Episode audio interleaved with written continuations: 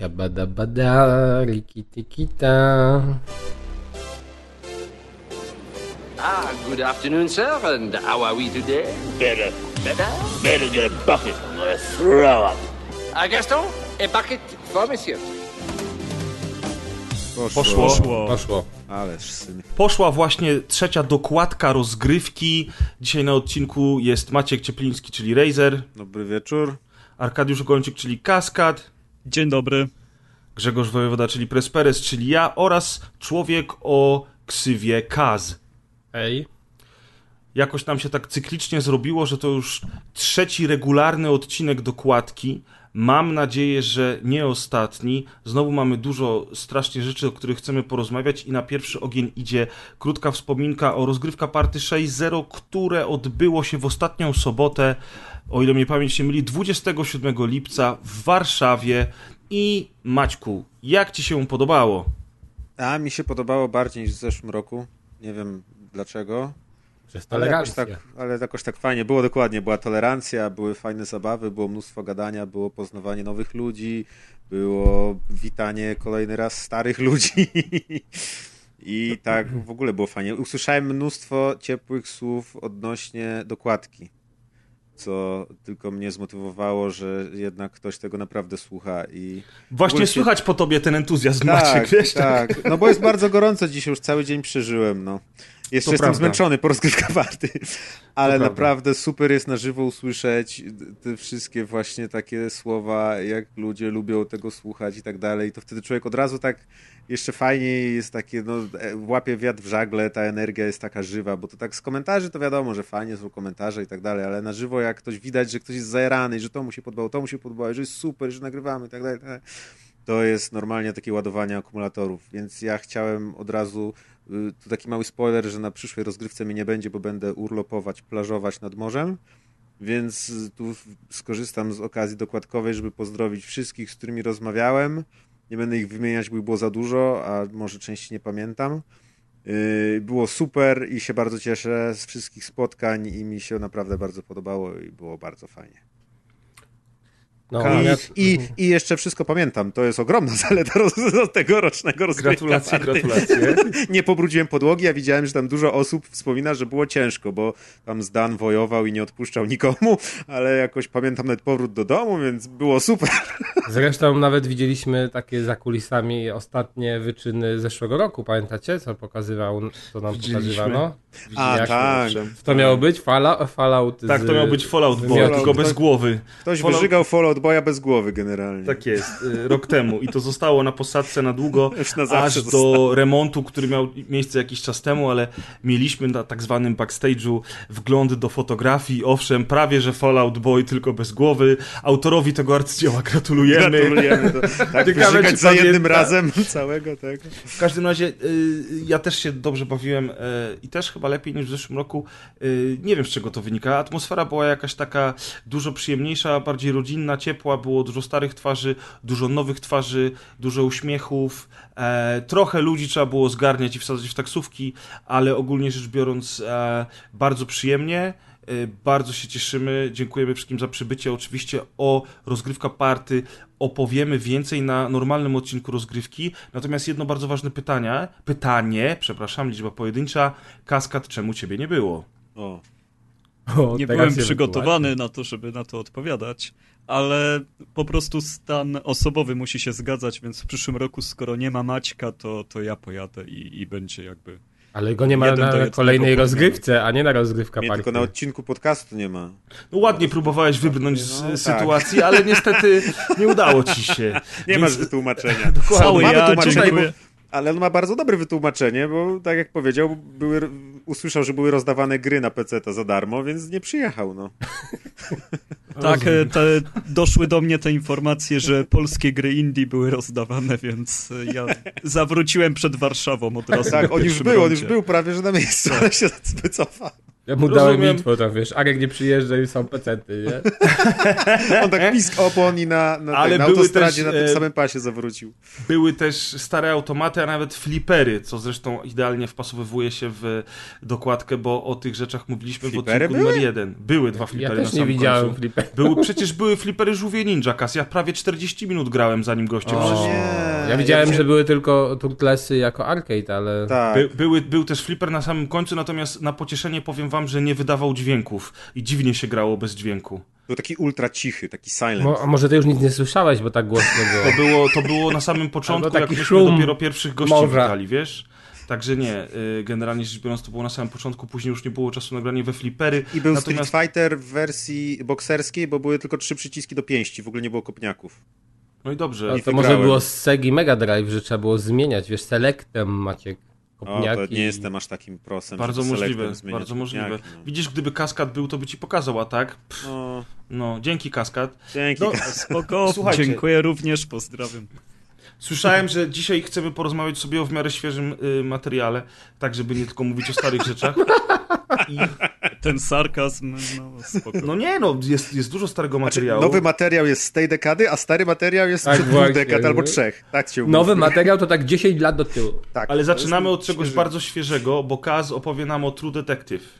Znaczy to nie jest bardzo świeże, bo to jest s- serial, który powstał chyba w 2004, ten pierwszy był, w 2014, sorry. No to jak na nasze 2015. standardy to całkiem świeży. I 2019. Ale w ogóle y, to jest y, ciekawe, bo też nad tym się skupimy później, ale przeczytałem też książkę y, faceta, który był pomysłodawcą tego Ale y, po, serialu. tylko ci przerwę. Serial True Detective zaczął być y, emitowany na antenie w 2014 roku, więc No tak, troszeczkę tak. powiedziałeś, że w 2004. Tak, później się poprawiłem, że A 14. dobrze, a ja cię wtedy nie usłyszałem, przepraszam za zamieszanie. Spoko. Y, I tak, właśnie pomysłodawca tego serialu nazywa się Nick Pizzolato i on też właśnie powstał w zamierzeniu jako kontynuacja książki, o której akurat powiemy na końcu, bo ona jest kompletnie niezwiązana z tym serialem i ja też ją przeczytałem po obejrzeniu serialu, więc to będzie w tej kolejności. Natomiast sam serial jest wyjątkowy z różnych powodów, między innymi Mm, Wielokrotnie słyszałem o tym, że jakby mm, ludzie twierdzą, że to jest serial, który jakby na nowo wyznaczył standardy telewizji, jeżeli chodzi o HBO. Czy wiele w tym prawdy? No nie wiem, nie oglądam aż tyle seriali, żeby tak powiedzieć, ale mo mogę powiedzieć, że on jest naprawdę świetnie zrealizowany. Zresztą wiem, że wy też oglądaliście chyba pierwsze dwa sezony, wiem, że Prez oglądał pierwsze dwa sezony. Ja miałem przyjemność obejrzeć przez parę miesięcy wszystkie odcinki, jakie do tej pory się ukazały, łącznie z tymi nowymi. No i też y, to jest y, taka antologia, czyli każdy z sezonów jest czymś innym, inną opowieścią, zupełnie są inni bohaterowie. Tam w jednym Jak momencie opowiadania, tak? taki spoilerek jest jakieś nawiązanie, ale to nawiązanie jest po prostu tak delikatne i tak jakby nie, nie wnosi nic do historii, że to jest tylko taki smaczek dla fanów. Y, Jest faktycznie takie nawiązanie, ale to mówię delikatne. Natomiast generalnie te historie nie są ze sobą powiązane i Em, Każda z nich jest zupełnie inna, każda z nich ma trochę inny klimat y, i też trochę. No, jedna rzecz mnie w tym ubodła. W ogóle to jest serial o detektywach. W każdym mamy do czynienia z detektywami, którzy rozwiązują y, jakąś zagadkę. Y, Dwa sezony, czyli pierwszy i trzeci, to jest taka bardziej osobista historia. Drugi to jest historia kilku osób y, i historia też jakby takich większych przekrętów. W przypadku pierwszego i drugiego to jest jakby takie bardziej osobiste są te, mm, te sezony. Natomiast to, co mi tak dziwnie, znaczy to, co się wydaje mi dziwne, to to, że wielokrotnie słyszałem na przykład, że sezon drugi tego serialu jest dużo gorszy od sezonu pierwszego i sezon trzeci jest powrotem na właściwe tory, z czym ja się do końca nie zgadzam, bo sezon drugi też mi się strasznie podoba, znaczy strasznie, też mi się podobał.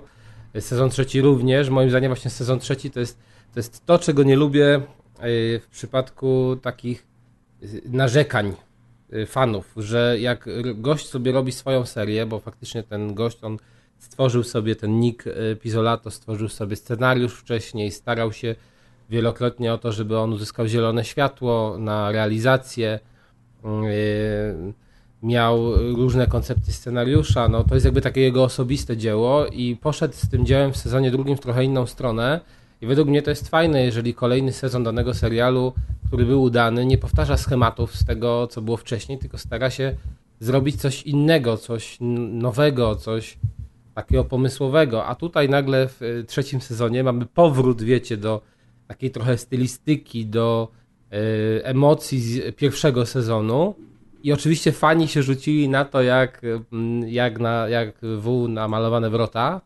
Y, i pobiegli, mówią, że to jest rewelacja, że ten powrót to jest w końcu to, czego oni oczekiwali, a moim zdaniem właśnie to jest troszeczkę odtwarzanie jedynki, i to wyszło gorzej. Gdybym miał ja u, u, tak sobie posegregować tę serię, to bym powiedział nawet, że jedynka mi się najbardziej podobała, dwójka później, a trójka najmniej. Mimo, że każda z tych serii była bardzo fajna. Ale mówię, no nie wiem, czy wy też tak odczuwacie, że kiedy fani naciskają, to nagle, nie wiem, jest pewnie taki wymóg, że dobra, to wracamy do stylistyki pierwowzoru i będziemy ją odtwarzać. I to może się udaje w przypadku jakichś remake'ów po wielu latach yy, i powrotu do korzeni, tak, no nie wiem, rzucajmy Mortal Kombat, jeżeli chodzi o gry, który wrócił do korzeni i mm. jest wielkie wow, ale na to tutaj było za wcześnie i moim zdaniem no, raczej ta, ta pomysłowość trochę straciła autora w tym trzecim sezonie, mimo że ludzie uważają, że to jest po prostu rewelacja. To jest bardzo no, ale... ciekawe, co mówisz, dlatego że, e, znaczy ja widziałem pierwszy i drugi sezon, nie miałem jeszcze okazji obejrzeć trzeciego sezonu, natomiast E, o ile uważam, że drugi sezon był zauważalnie nie wiem, mniej może dla mnie emocjonujący, czy mniej klimatyczny niż pierwszy sezon, to nie uważam, żeby był słaby, co zresztą, tak jak mówisz, ludzie w internecie okrzyknęli jednogłośnie, że on był kiepski i w ogóle tam był lament. Dlatego też chyba e, długo zwlekano z emisją trzeciego sezonu. Jeżeli mówisz, że to jest powrót do, do klimatów pierwszego, to, to ja też, mimo tego, że jeszcze tego nie widziałem i nie wiem, czy mi się będzie podobało, czy nie, to nie jestem z tego zadowolony, dlatego że ja nie lubię e, tej tendencji do tego, że ludzie lubią te piosenki, które już słyszeli w radiu. Bo właśnie jak chce się udobruchać potem odbiorcę, to się robi takie ananasy jak e, Terminator Genesis, który był powrotem Oj, do tego, co już wszyscy znamy i tak naprawdę zgwałcił markę. Byłem albo... w kinie na tym gwałcie. Więc... Oj, oj, oj, oj, oj. No ja też byłem w kinie, oczywiście, że byłem w kinie, no i ledwo wytrzymałem do napisów końcowych. Natomiast wiesz,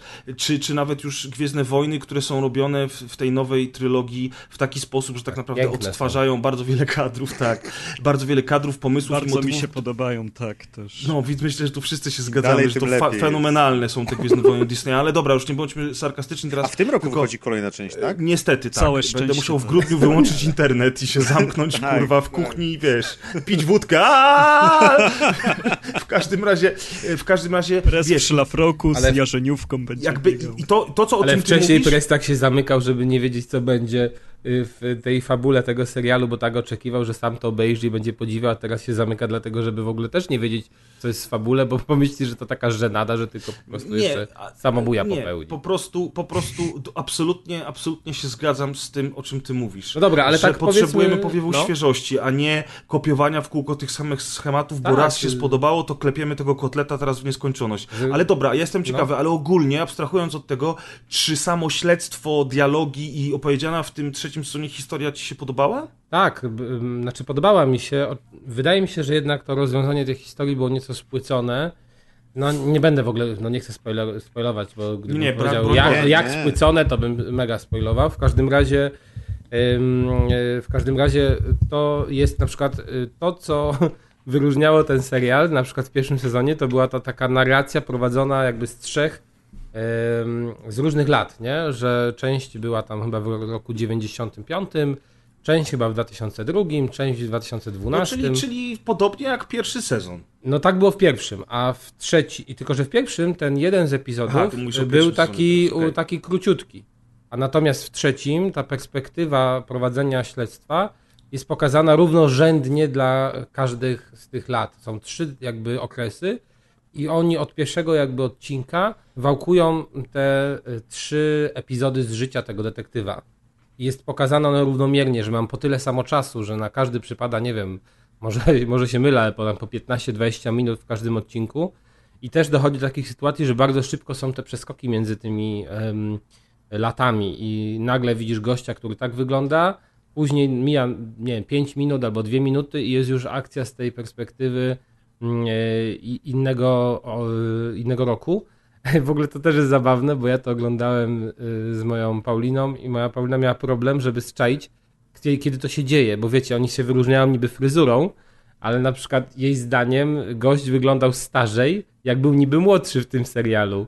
Bo oni tak to dziwacznie zrobili, że faktycznie, żeby wyróżnić, żeby się nie pomylił w ogóle, kiedy to się dzieje, to oni mają zupełnie różne fryzury, ale no to ten Mhm. zabieg wyszedł tak, no fajnie, no i dla mnie jest okej, ale mówię, jej to się myliło, to, więc sądzę, że są też takie osoby, którym to się będzie mylić. Jeżeli chodzi o akcję taką, o śledzenie fabuły, to ona jest okej, tak samo zresztą jak True Detective 1, to są właśnie fajne, yy, fajny serial, dlatego że teoretycznie to jest wszystko bardzo skomplikowane i to prowadzenie narracji z perspektyw czasowych z różnych okresów ich życia tych detektywów wydaje się, że po prostu że ten serial będzie ciężki w odbiorze, a on jest odpowiednio wyważony, że z jednej strony ta fabuła jest skomplikowana, a z drugiej strony ją łatwo chłonąć i nie masz takich sytuacji, że się pom- pomylisz albo zapomnieć, a co tu się stało, a o co tu chodziło, tylko faktycznie to jest tak logicznie wszystko umiejscowione. Kolejna sprawa to klimat. No, w tym wypadku trójki to mamy powrót właśnie na taką jakby prowincjonalną Amerykę, bo w jedynce była Louisiana, w dwójce była Kalifornia, w trójce jest chyba Arkansas.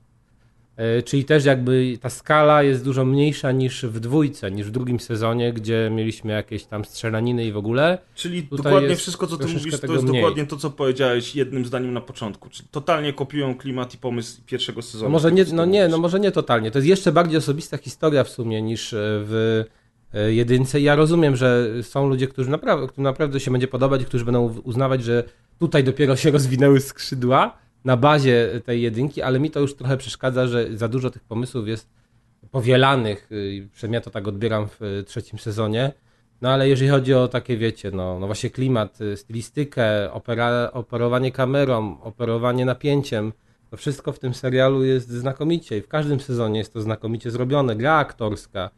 Tak jak mówiliśmy wcześniej, że w każdym występują zupełnie inni bohaterowie i ten dobór też przecież no, nie jest zawsze oczywisty i często są jakieś wpadki w serialach. Tutaj tych wpadek ja mu- muszę powiedzieć, że nie uświadczyłem. Yy, W ogóle sam pomysł z tym, że akurat w jedynce było to to morderstwo, takie te rogi, czyli taka symbolika też odgrywała dużą rolę. The King in Yellow, o ile Tak, dobrze pamiętam.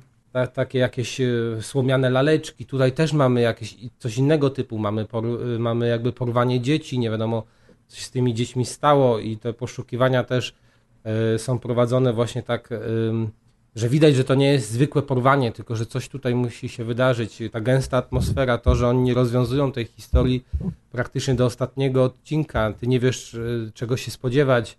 E, Umiejętnie to jest wszystko łączone. To nie jest tak, że ty nagle po tym ósmym, na- tym ósmym odcinku stwierdzasz, no dobra, to oni mnie tutaj oszukali i coś pogmatwali i teoretycznie ja y, powinienem móc to zgadnąć, ale twórca tak sobie zażyczył, żebym tego nie zgadnął i przedobrzył. Tu nie, tu jest wszystko logiczne. Oni tak fajnie gmatwają tę historię, że ty nie masz jakby szansy praktycznie zgadnąć, co się wydarzy, kto tam jest za coś odpowiedzialny, ale, ale jak się już dowiadujesz, to wiesz, że ci nikt nie oszukał, że po prostu to było tak zgrabnie prowadzone, żeby, żeby ten finał był takim jakby spełnieniem i aha, no dobra, to o to chodzi, to ten, to i, i tamten to uczynił i jest wyjaśnione też zawsze dlaczego. A kto to uczynił? Powiedz jeszcze raz nam. No, ale Żartuję, był także, żart. także polecam bardzo tym, ba- bardzo, tym bardziej, że właśnie te postacie detektywów są zawsze nie w tych y, jego ym, tworach Okej, Kaz, niejednoznaczne. ale ja ci się wtrącę na No. chwilę, bo True Detective wiadomo, super forma, nowa jakość, wjechał fajny serial, ale jakby tak wrócić do detektywów takich klasycznych, zresztą każdy z was jakby powiedział, którego detektywa najbardziej szanuje, czy to jest e, Columbo, detektyw Monk, czy Kojak. Żeby tak... e, Kojak takiego za Lizaka. punktu- Kurde, no, Ko Kojak albo Kolumbo, ciężki. No jeszcze ko z- Kojak za kozaka, Kolumbo za oko. No, Columbo miał ten wzrok, właśnie to oko jedno. A te- a jakby jedno połączyć- patrzyło w przeszłość, a drugie w teraźniejszość. A jakby połączyć te ich siły i na przykład, wiesz, no ten lizak z tym oczodołem, no... I jeszcze wprawa. Monka w omijaniu linii na chodniku. No. Ale Przepraszam, generalnie... a jeszcze detektyw w sutannie, to ja jednak, ja jednak na detektywa w sutannie daję Ja głos. to jednak, ja to jednak bym Don chciał Matteo. y, za, za, zagłosować na detektywów y, Soniego no i właśnie. Tapsa Ja tak z Miami Vice. A, main, Mainstreamowo. Jak mainstreamowo? Od kiedy to jest mainstream? No dobra, no może jak To mieli jest 5 mainstream, lat, to, to 30 był lat mainstream. temu, właśnie. No, i- soundtrack i tak naprawdę, a nie tych, nie tych detektywów. Nie, nie, Dokładnie. stary, te Jak marynarki pastelowe to było coś pięknego. Znaczy w ogóle, wiecie co jest dla mnie Najlepszy jedną, jest Kojak. dla mnie jed, jedną z takich rzeczy, która y, przecina y, miarą, znaczy przecina No tutaj taką... widzę te powiązania. Kojak, kaskad, Ja nie? Jeden łysy, drugi łysy. Słuchajcie, Lubisz je- lizać? Li, lizaki? Koczaka Do- byś się tak zapytał, to już byś nie miał czym mówić. A sam aktor bardzo fajny, bardzo go lubiłem. Niemniej-. Pamiętam zwłaszcza. Już ci dajemy dojść do słowa Kaz, no przysięgam, końcu. obiecuję, już damy Nie ci no, do... rozwiążmy ten spór, no, no bo to Je- jednak... Ja już powiedziałem, tylko Miami Sony. Vice. Ja nigdy nie, nie lubiłem tych seriali telewizyjnych o policjantach, takich, y, tych właśnie Colombo, Kojak nie oglądałem. Pamiętam, To że Gliniarz tylko i 13 prokurator. posterunek. Gliniarz i prokurator, to trochę zerkałem O, na to to. było dobre. Jeszcze Magnum. na wariatkich papierach. Był ten e, detektyw chyba. w tropikach, żar tropików, tego też O lubiłem. Jezu, to było. A jak się nazywał? Nasz, nasz Bridges był jeszcze? No nasz O, Bridges to już o, był później, to już o. były lata 90. Tak, on też tak, był no. Pod Miami podpiąć może. Ale Miami Vice jednak dla mnie zawsze No. number one in television, Miami Vice, jak to było w tym, w Eurotripie, nie? Welcome to Bratislava. Tak, ile macie Mi dolara? No, dokładnie tak. It's good you came in the summer because in winter it can get very depressive. Dobrze, Kas, Okej, przepraszamy. ja tylko, lecisz. dobra, nie, ale nie, spokojnie właśnie, to jest takie te dygresje, z tego my jesteśmy znani, ale słyszę, że tutaj jeździ pociąg i to nie to był. Jeszcze nie odjeżdżaj, jeszcze to nie był To był statek.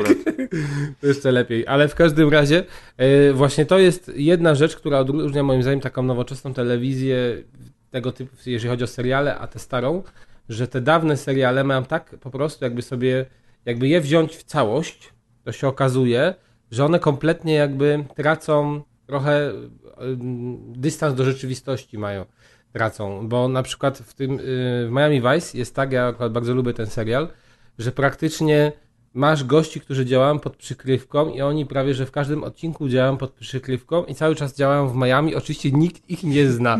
To jest tak dobre. Ubierają się tak, żeby się nie wyróżniać, jeżdżą autem, żeby się nie wyróżniać. Tak, i oni już wsadzili tam chyba ze, nie wiem, nie wiem, z tysiąc ludzi w tym Miami. Wypraszam tak, sobie, Kaz, wypraszam sobie. Jeszcze motorówki, oni, motorówki. Oni są profesjonalistami, tak? No. Umówmy się. Tak, i Czasem każdy dostaje. zmienia. Tak. Tak.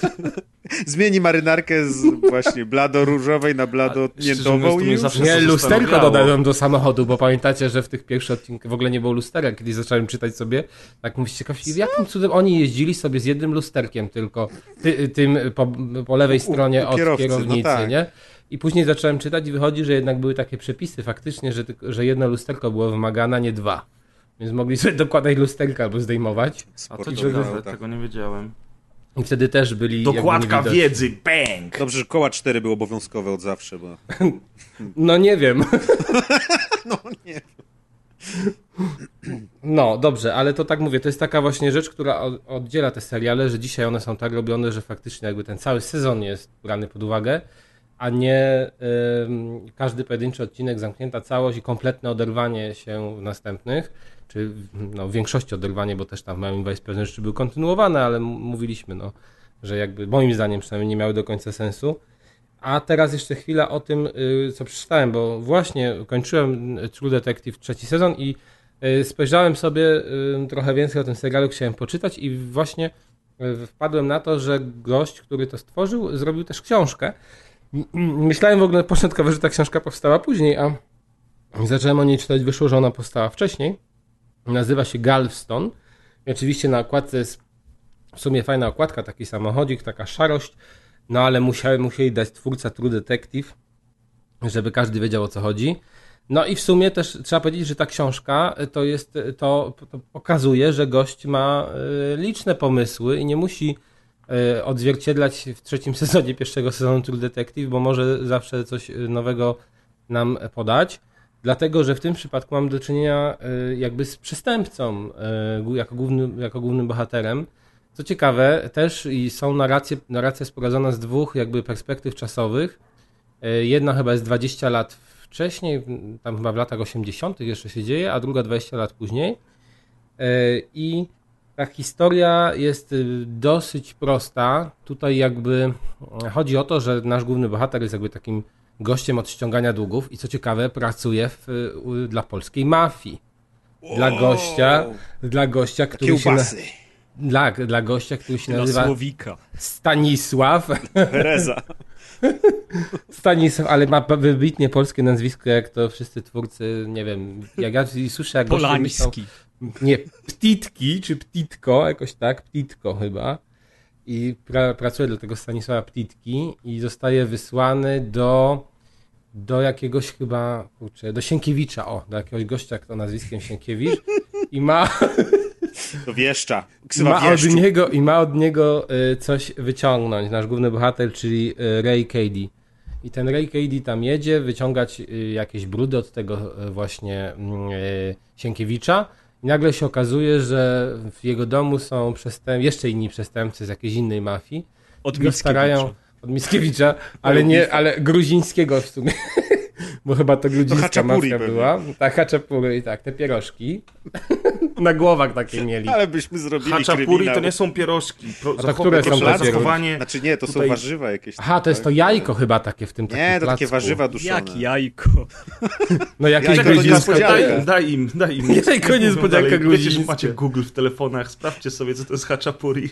No, Dobra, ale e, w każdym razie y, i wychodzi na to, że został on wrobiony przez tego swojego pracodawcę. Ale Y, teraz spoilujesz troszeczkę nam fabułę, co? No, nie, no tylko, że to jest spoiler z pierwszych chyba 30 stron książki, której więc nikt nie przeczyta, nie więc zawsze nie wiem co to za spoiler, tym bardziej, tym bardziej, że chyba nawet na z tyłu na tym, na y, zapowiedzi jest o tym mm, wpisane.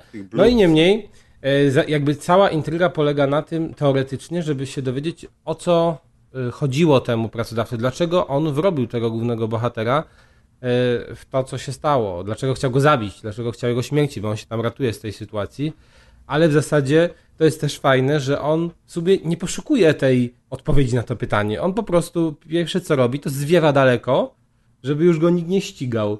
To też jest takie fajne i specyficzne, bo często właśnie w różnych historiach, czy filmowych, czy książkowych, bohater stara się dowiedzieć, dlaczego coś się stało.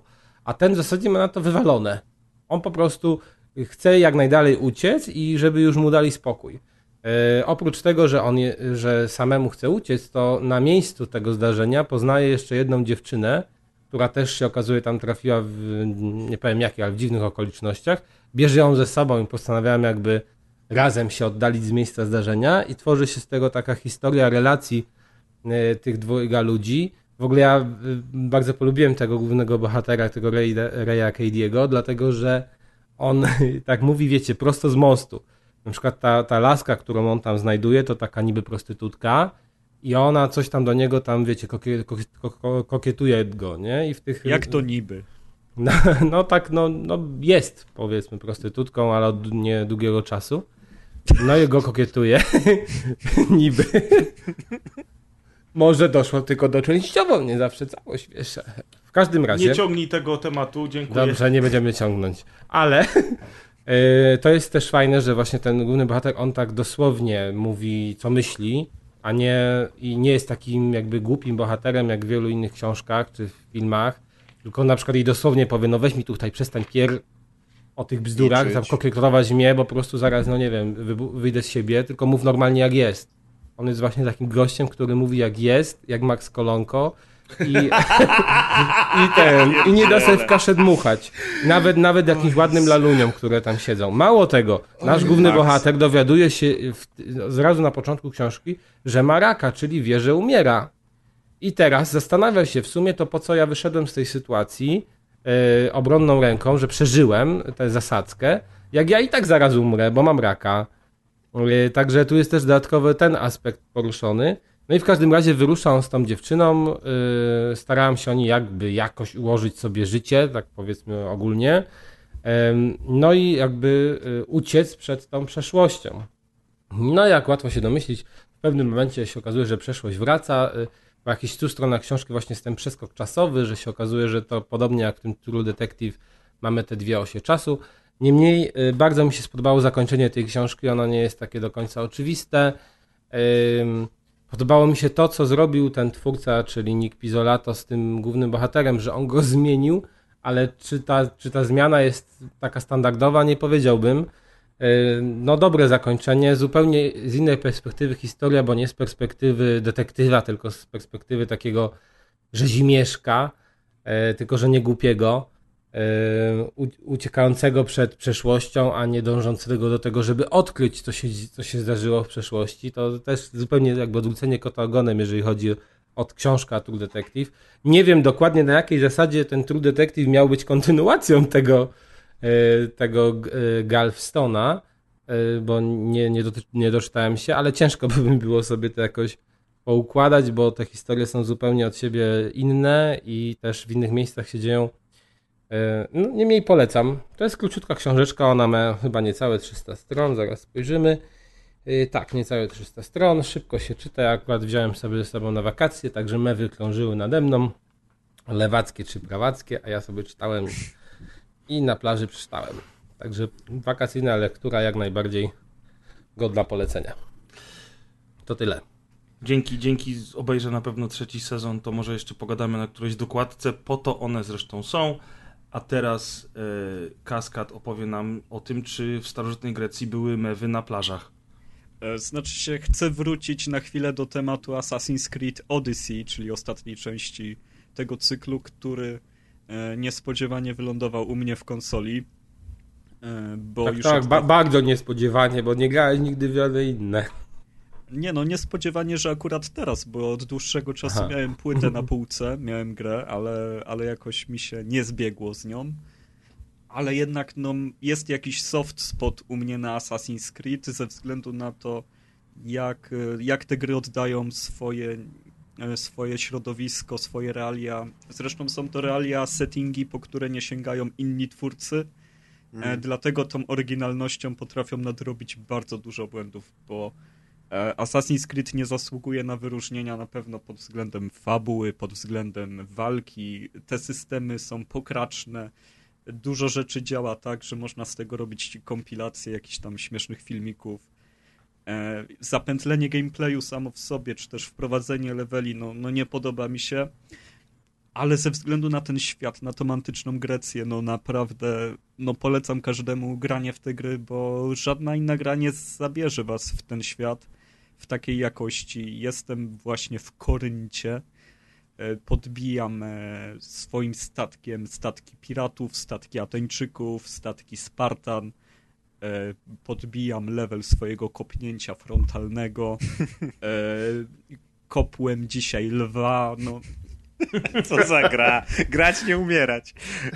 Nie no, ogólnie wiecie, każdy zna Assassin's Creed, po prostu uważam, że za mało doceniamy tą warstwę historyczno- settingową, a, a za dużo się skupiamy tutaj na tym, że no to jest w sumie odtwórcza seria i ciągle się robi w niej to samo. Oczywiście, że tak, ta seria nie zasługuje na żadne nagrody ani na wyróżnienia, ale no, no jest coś w tym FedExie. No, no to jest ogromny FedEx. Ta mapa jest gigantyczna, ona wydaje się nie kończyć. Ja jestem zmęczony, jak tylko patrzę na te znaczniki, których nie odznaczyłem.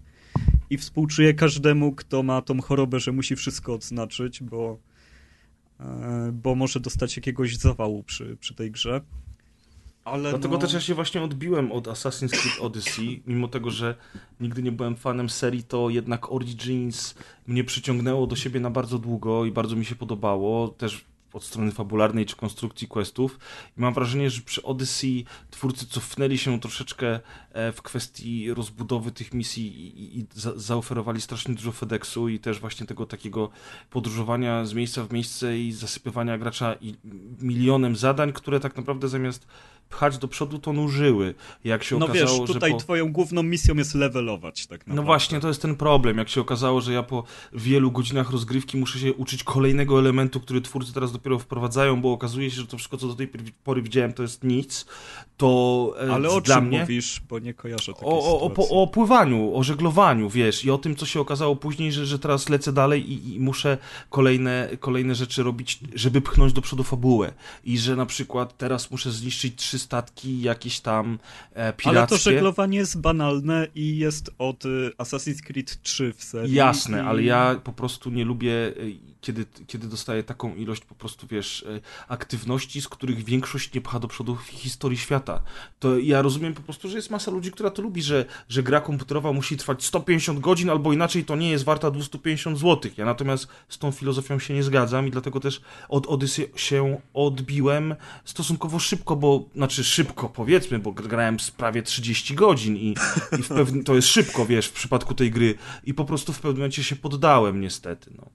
Ja nawet nie podchodziłem, bo ten setting był dla mnie zbyt podobny. Gdyby Origins nie wyszło, gdyby nie było Originsów, tylko od razu wyszła Grecja, no to byłoby strzał w dziesiątkę. Poza tym Grecy i tak dalej to jest świetny setting i aż by się chciało pograć. Ale jakoś tak się nasyciłem tym Originsem, który mi się też bardzo podobał, że jak zobaczyłem tą Grecję, to stwierdziłem, to jest tak podobne do tego Egiptu, że w ogóle nie jest dla mnie atrakcyjny. Tak jak Kaskad mówił, że mnie właśnie też do tej serii w sumie najbardziej settingi przyciągają i dlatego wciąż Assassin's Creed Unity, który jest tak pięknym Paryżem, jakiego jeszcze do dzisiaj w żadnej innej grze nie widziałem i w ogóle jedną z najładniejszych gier ever. Też jestem Tak mi się podobał, mimo że gameplayowo i, i, i tam, nie wiem, jeśli chodzi o historię tam przedstawioną, to w ogóle nie jest jakiś porywający. I też uważam, że te asasyny są po prostu no, jak kolejne Dudi, no, idziesz i strzelasz, nic odkrywczego, ale w Dudi się gra dla fajnych filmowych momentów, przynajmniej no, mówię o kampanii, a w Asasynach właśnie dla zwiedzenia tego świata, który, tak jak Kaskad właśnie powiedział, żadna inna firma nie zrobi gry w takim świecie, bo po prostu za duże ryzyko jest, a tutaj Znaczy się, no Ubisoft siłowo to. podchodzi do tego, po prostu mają tylu ludzi, tylu pracuje nad tym, mm -hmm że co by się nie działo, ta Grecja będzie miała spięte te systemy i będzie wyglądać. A I... poza tym... W, Bo jakim... oni, oni robią fenomenalne światy, oni są teraz mistrzami w tworzeniu tych światów. No i właśnie o, o, oni mogą sobie pozwolić na to ryzyko, że zrobimy grę w carskiej Rosji i wszyscy inni by flopnęli, a im się to zwróci, nie? Oni na tym zrobią kasę. No to też jest kwestia tego, że oni tę grę rozwijają. Pamiętajcie o tym, że ta gra już rok, rok czasu no jest tak. na rynku. Ma trzy dodatki po trzy e... części, po trzy epizody. I, i jakieś, wiesz, jakieś cały czas systemy nowe wprowadzane, mnóstwo darmowego kontentu to jest ciekawe, że ty mówisz, że, e, że dla ciebie to było to samo, bo ja e, jakoś nie byłem szczególnie zainteresowany ani settingiem, ani historią Origins, a mimo wszystko straszliwie mnie to wciągnęło i w sumie to bardzo się cieszyłem, że mogłem zobaczyć e, Egipt między innymi. Ale grałeś to dla było dużym zaskoczeniem czy, czy popularnym bo, i, i tak dalej. Bo gameplay, był, bo gameplay jest spoko w tej serii. Wszystko, wszystko w Origins mi się tak spodobało, tak wiesz? O, zawsze eksploracja w Asasynach mnie najbardziej fascynowała, tak samo jak was. Tutaj chyba to nie, nie będzie żadne zaskoczenie. Natomiast y, w Origins po prostu nie tylko eksploracja, ale i walka, ale i skradanie, ale przede wszystkim dialogi, fabuła i konstrukcja misji były dla mnie y, siłą napędową, żeby brnąć dalej. Jak usłyszałem, że kolejna część będzie w starożytnej Grecji, to byłem w niebo wzięty bo e, starożytna Grecja i przede wszystkim mitologia grecka to jest coś, co ja uwielbiałem, zresztą każdego no. z nas. Od dziecka tym karmiono, wiesz, otwierali nam mózgi w szkołach i pakowali tam wiadrami tej niepotrzebnej wiedzy, Później jeszcze te filmy wszystkie wychodziły od 300 przez tych wszystkich tytanów. Tak, tak, tak dokładnie, dokładnie. I wszyscy wiesz, i wszyscy znamy historię Minotaura chociażby, i, e, czyli tak zwana nić Ariadny i nie tylko, e, Złote Runo, cała masa tych wszystkich właśnie rzeczy. No i ja się spodziewałem czegoś takiego po tym Asasynie, bo uznałem, że po wszystkich odsłonach pseudo-realistycznego takiego settingu, świetnym pomysłem byłoby, żeby zrobić właśnie taką grę fantazy. I niestety podstawka tego nie ma, co mnie strasznie wynudziło, bo ta gra, ta Grecja bez, bez settingu fantazy była po prostu nudna, bo tak jak powiedział Kaskad, większość tych rzeczy to był FedEx. Natomiast wiem, że w dodatkach to wszystko jest, tylko że yy, bałem się, że w tych do, żeby dotrzeć do tych dodatków trzeba grać jakby całą kampanię, natomiast na ostatnim odcinku rozgrywki Kuldan mówił, że dodatki można rozpocząć nawet postacią na pierwszym poziomie, co mnie bardzo cieszy. No, zatem Assassin's Creed jest ciągle spoko, jeżeli szukacie gry, która da wam może, możesz miejscówek do odkrycia, bo e, żadna inna gra nie może się pod tym względem równać z Ubisoftem. No i to jest generator też e, jakichś dziwnych wydarzeń, no bo ta gra ma to do siebie, że ona, ponieważ twórcy nie są w stanie zrobić dobrego gameplayu, ona tyle rzeczy upraszcza, że w momentach tak, kryzysowych nie wiem, czy, przepraszam, tylko się wtrącę, nie wiem, czy to mówiłeś wcześniej, ale dopiero wróciłem tutaj i słyszę, że nie potrafią zrobić dobrego gameplayu i to jest tak dobre. No tak, i w momentach kryzysowych, kiedy w innej grze powinieneś ponieść śmierć albo być w kłopotach, no to tutaj dalej brniesz przed siebie, wiesz, odkryło cię pięciu strażników, jednego popchnąłeś na jakiś garnek, garnek się wylewa, nie wiadomo czemu to, co się wylało, się zapala, jak nigdzie nie ma ognia, to, co jest w garnku przed chwilą się nie paliło. E, walczysz z trzema typami, za tobą pojawia się tygrys, za nim lew, wiecie, skądś ktoś e, strzelił strzałą, trafił nie w ciebie, tylko w przeciwnika, on jest zatruty, wszyscy cię gonią, za chwilę jakiś typ e, spadnie do morza. To brzmi jak Tak się rozgrywka party. Ale to jest najlepsze, ja mam ochotę zagrać teraz w tą grę, bo się takim, jak coś takiego usłyszałem. Nie, no ja po prostu się... ta gra się ciągle psuje i ciągle operujesz na tym, tak samo twoje skradanie. Co chwilę zdobywasz wielkie fortece. To jest świetne, ale operujesz w nich na tym, że przeciwnicy mają niższe IQ niż to, które mieli strażnicy w pierwszym Metal Gear Solid na, na PlayStation. Znaczy, to jest Wiesz. problem, to jest problem e, współczesnych sandboxów i tego upraszczania tytułów, że z jednej strony Ale wprowadza się te są wszystkie tytuły, które symulacje sobie z tym światów. poradziły. Nie no oczywiście, natomiast jakby no, taką tendencję ogólną, którą zauważam e, w przypadku AI, to jest właśnie to, że to AI jest bardzo mocno um, obniżane po to, żeby jakby nie, nie konkurować z dobrą zabawą, czy wręcz nie psuć rozgrywki, która jest jak, w jakiś sposób zbalansowana, chociaż akurat tutaj się w zupełności, w zupełności z tą zgadzam, e, bo jak pomyślę sobie o ostatnich Far Cry'ach, to tak, takie same dantejskie sceny widziałem tam, jakie ty widziałeś w Asasynach, czyli właśnie ten Tak, ja niedźwiedź goniący lwa, i coś było to płonie, wiesz, Ale to coś jest- wybucha. Emergentny gameplay. Ale ja to co zobaczcie, prawda w jakie to Origins jest sobie nie przypominam taki, taki, ta, takich, takich dziwnych akcji, a być może za mało grałem w Odyssey, chociaż uważam, że 30 godzin to jest sporo, żeby widzieć aż takie ekscesy. Natomiast faktycznie Ubisoft w tych otwartych światach, w których próbuje generować to życie jakoś tam idące swoim torem, y, potrafi do takich właśnie y, dziwnych rzeczy doprowadzać często. No ale właśnie to jest takie też dziwne, że przed laty my się zastanawialiśmy i jakby krytykowaliśmy zachowanie g- m, przeciwników w grach, że to jest po prostu za słabe, że jak debile się zachowują. A tu się okazuje, że to jest taka nisza teraz Ubisoftu i oni to robią specjalnie, bo to No tak nie, wygląda. IQ postaci Jakby w grach dostosowuje lepsze- się do streamerów po prostu. Rynek się zmienił, równa, równa do najniższego możliwego, tak? rynek się zmienił, te gry mają wyglądać, mają być śmieszne, masz taki zobaczyć algorytm. jak No sumie tak. PewDiePie, DPPie, tam wiesz, Jak się, się, żeby się coś śmiesznego działo na streamie i No. żeby wszyscy się mieli bekę. Ale ja tak w ogóle szczerze, powtarzam no od dawna- wynika Z braku- gameplayu, że nie potrafią zrobić lepszego gameplayu, więc upraszczają to, co mogą, z e, tym gameplayem- na to, że to zażre. Ale z tym gameplayem, słuchaj, nie, nie do końca jakby rozumiem, dl- dlaczego on ci się nie podoba, bo Origins przeniosło serię do, na zupełnie e, nowe wyżyny. Ja teraz grałem sobie ostatnio, no ostatnio, no, czas leci, ale jak wyszła e, zremasterowana wersja Assassin's Creed 3, to ja do niej usiadłem i o dziwo bawiłem się bardzo dobrze, bo ja tak jak powiedziałem, ja nigdy nie byłem fanem serii, ja uwielbiam jedynkę, którą wiele ludzi krytykowało, a od czasu dwójki jakby już nigdy nie byłem w stanie się wciągnąć w tę serię. Jedynka Natomiast- najlepsza. Natomiast Powinna być na nowym silniku jedynka jeszcze raz. No jak, No, ale przynajmniej była nudna totalnie jedynka. Mogłeś sobie Oj, A, weź, ta idź, nóż, jedno, dwa miasta i do Wynocha. widzenia. Jedynka była świetna, y, ale wracając do trójki, y, że jakby mimo tego, że uważam, że to jest bardzo dobry remaster, czy tam po części remake, no ale niestety tutaj z nomenklaturą zawsze jest problem.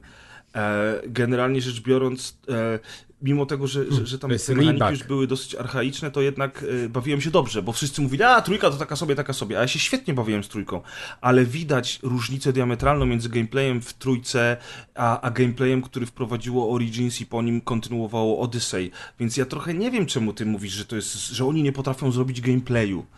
Co, co, co tam znaczy ci się nie, nie chcę podoba? wchodzić w to za mocno, ale i jeżeli to jest gra, w której głównie się walczy, a ona ma taki system walki, jaki ma, no to coś tu nie gra.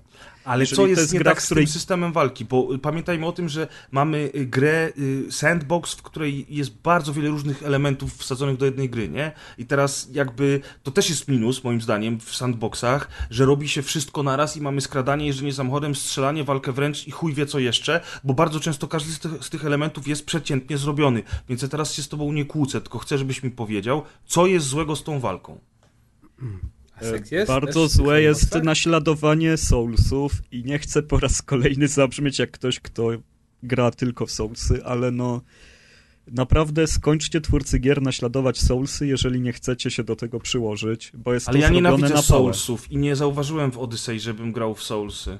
No bo już to jest tak przemielone, że już tego nawet nie widać, ale no od samego rozłożenia pada, po, po to jak się robi uniki, e, dołożenie jakby zwolnienia tempa w zupełnie losowym czasie, które dziwnie oddziaływuje, lokowanie się na wrogach, e, bardzo dużo rzeczy jest tutaj e, na zasadzie, że masz gigantyczne dziury w animacji, w które możesz się wbić swoją postacią. Po prostu jesteś tak przepakowaną postacią, że ona psuje całą przyjemność z walki, bo pokonanie każdego jest za proste, a jeżeli jest trudne, to chodzi tylko o to, że ma za duży numer nad głową. To jest jedyne, co reguluje twoją moc. Gdyby nie to, to, byś, to byłbyś w stanie każdego zabić od samego początku, e, przez co nawet zlikwidowano to, że nie można już zabić każdego skok, skacząc mu na szyję z otwartym ostrzem, żeby go zabić, bo jak przeciwnik ma za duży poziom, to on to przeżyje, że mu przebijesz oko to strzałą Ma też. grubszą płytkę. To prawda, że wprowadzanie tych wszystkich leveli, które to już było w Far Cry New Dawn, gdzie akurat tam mi się podobało, bo to była krótka gra e, i gra w kooperacji, więc to miało sens, ale wprowadzono też to Czyli właśnie w Odyssey. Im szybciej kończysz gry Ubisoftu, tym się bardziej cieszysz, tak? Ale bardziej nie, czy w ogóle te Kas. asesyny mają poziom trudności? Złośliwy Czy, czy nie ma wyboru poziom Mm, O, trudności? one mają, nie mają, ma wybór, dobra, ja myślałem, No właśnie nie wiem, bo, bo mi się tak w ogóle Ma, kojarzy, ma, że e, dla mnie Assassin's Creed nie są grami, które stawiają jakiekolwiek wyzwanie. Ja je przychodzę z palca, praktycznie Dla nie mnie to ginąc, było chyba, wyzwanie, bo ja jakiegoś- żadnej nie skończyłem. No tak, chyba, że ginę w jakiś głupi sposób, ale to nie jest tak, że te gry mają, wiecie, być jak, nie wiem, właśnie jakieś tam Quake'i, czy tam takie Soulsy, czy inne gry, gdzie ja się muszę nauczyć, potem się muszę wykazać sprytem, czy coś. Ja mam iść, wszystkich rozwalić za pierwszym razem, No nie, Maciek, one, one potrafiły, wiesz, sprawiać wyzwanie. Znaczy, pamiętam zwłaszcza- wyzwania, kiedy się parkour był źle zrobiony w tych starych częściach i pod koniec trójki, jak była misja, gdzie się bossa goni przez miasto, to mnie szlak trafiał, bo się No. łapałem każdego murku, nie? I To to, takie straszne. wyzwania pamiętam, ale z Śledzenie walką nigdy mi się ta sesja, seria nie kojarzyła, że jest trudna i że coś tam. Takie sekcje skradane są proste i oczywiste, sekcje biegane też są upierdliwe tylko dlatego, że, że miasto jest losowe, więc możesz czasem wpaść na kogoś, kto się wygeneruje przed tobą akurat. Ale tak jakby, nie wiem, te, te gry są takie po prostu filmowe, że masz się przy nich fajnie bawić, Nie no, nie oczywiście ja nie mówię, żeby mechanikę, iść nie? w drugą skrajność, ale po prostu ta gra jest y, zrobiona bardzo płytko pod tym względem i jedyne co cię reguluje to jest tylko numerek nad, y, nad przeciwnikiem i różnice są ogromne, bo wystarczy jeden level różnicy, żebyś ty już nie był w stanie gościa normalnie zabić. E, Za chwilę ci wpadnie punkt doświadczenia i już go kładziesz na trzy ciosy. Jest, są gigantyczne przeskoki. E, Nie, jest to, to dobrze zbalansowane, ale dzięki ogromowi świata, dzięki temu wszystkiemu, co się dzieje, dzięki temu, że zawsze siłowo możesz wszystko rozwiązać i czasem dzieje się coś głupiego, to nie przeszkadza. Gra jest lekka, można ją przyjmować. Wiesz, no po prostu są rzeczy, na których nie poczyniono postępu od bardzo, bardzo dawna w tej serii. A to, że kolejny raz mam w jakiejś serii się skradać na zasadzie, że kucam w krzaku i gwiżdżę, żeby kogoś uwagę zwrócić, ja już dostaję szału. To, jest, prawda, idiotyczne. pełna zgoda. Skradanie w tych grach to jest dowcip.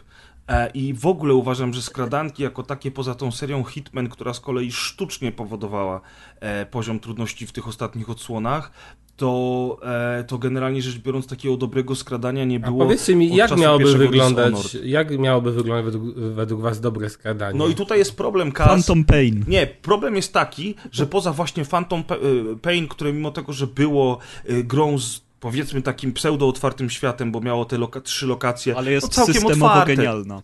to skradanie miało genialne, to się Ale zgadza. kartony też były, bo nie grałem. Były oczywiście, że były kartony i mogłeś To było tak na- genialne, że zabrać mogłeś na- Ale to jest kolejny system, ten który działa w tej grze.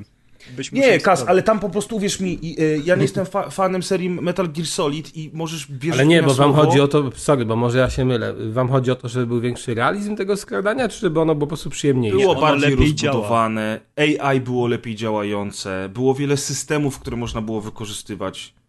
Prawda, Aha, no czyli, dobra, czyli realizm nie ma znaczenia. Dobra, okej. Ma no znaczenie, Nie? Oczywiście, a, że ma. ma. znaczenie. Natomiast mówimy o tym, o czym ja powiedziałem chwilę Chodzi o to, wcześniej. ile masz narzędzi naraz do dyspozycji, jak Też. otwarta się robi gra, w której podchodzisz No jeden to może... obóz i na ile sposobów możesz rozwiązać każdą potyczkę i ile niespodziewanych rzeczy może wyniknąć No to e, Zelda, z tak. każdego twojego błędu. No, nie No aż Zelda tak. to ma. Zelda No nie, no jest stary, proszę cię, bardzo ale my dobra, ale nie działa my w ten mówmy- sposób. Dokładnie. I teraz jakby no y, faktycznie to jest to, co już wcześniej chwilę wcześniej powiedziałem, że mówiłem to już na rozgrywce i, i zgadzaliśmy się wtedy, że e, otwarte światy powodują uproszczenie bardzo wielu mechanik, a niestety e, nie dostajemy już gier e, poświęconych stricte konkretnej mechanice, bo poza takimi Dark Souls, które mają swoją niszę i które są za to wielbione, to na przykład inne gatunki gier, jak chociażby właśnie gry stealth, wymierają, bo Metal Gear Solid jest ostatnim reprezentantem gatunku tego typu, który próbował zrobić coś więcej w otwartym świecie. Proste bardziej, bo nie powiem, że one są li, e, prostolinijne czy tam liniowe, ale prostsze gry, jeżeli chodzi o, o konstrukcję świata, takie jak Dishonored, pojawiają się bardzo rzadko. Natomiast wszystkie, co jest skradanką w grach z otwartym światem, to jest dokładnie to, o czym mówi Kaskad, czyli chowanie się w krzaczku i gwizdanie. I teraz na przykład, dlaczego do dzisiaj nie ma nowego Splinter Cella? Bo no, moim, moim, zdaniem, moim zdaniem Ubisoft tak się wyspecjalizował w, w, robieniu gier usług z otwartym światem i gier multiplayer gier usług, że tak naprawdę y, są świetnie w stanie rozbudowywać swoje marki, takie jak Division, gdzie Division 2 okazało się fenomenalne, mieli na to pomysł i poszli do przodu względem jedynki, jest super. Mają swojego konika w postaci Rainbow Sixa, który coraz bardziej się rozpędza od trzech lat i z, z, jakby zarabia coraz większe pieniądze i dalej w to inwestują. Natomiast teraz wszyscy mówią, gdzie jest Splinter Cell? Powinni zrobić swojego, swoją wersję tego Hitmana nowego, nie? Ta, no i wiesz, gdzie jest Splinter Cell? Dokładnie. I teraz, jak zrobisz Splinter Cella w otwartym świecie, żeby zrobić z tego multiplayer, żeby zrobić z tego us gry usługi i podejrzewam, że to na desce kreślarskiej od dobrych pięciu lat leży, tylko nie ma na to pomysłu. A jeżeli, a ktoś tam, wiesz, jak było w tym memie, nie? I ktoś podnosi rękę i mówi, a może zrobimy grę single player z zamkniętymi, wiesz, lokacjami i pist przez okno go wyrzucili, wiesz, to na tej zasadzie, nie? Wiesz, no... No, ja też nad tym ubolewam, szczerze mówiąc. Ale pozwólcie jeszcze na koniec, bo już nie ma tutaj się rozwodzić nad tym Assassin's Creedem, skoro yy, i tak takie słabe to jest, jak Gaz mówi.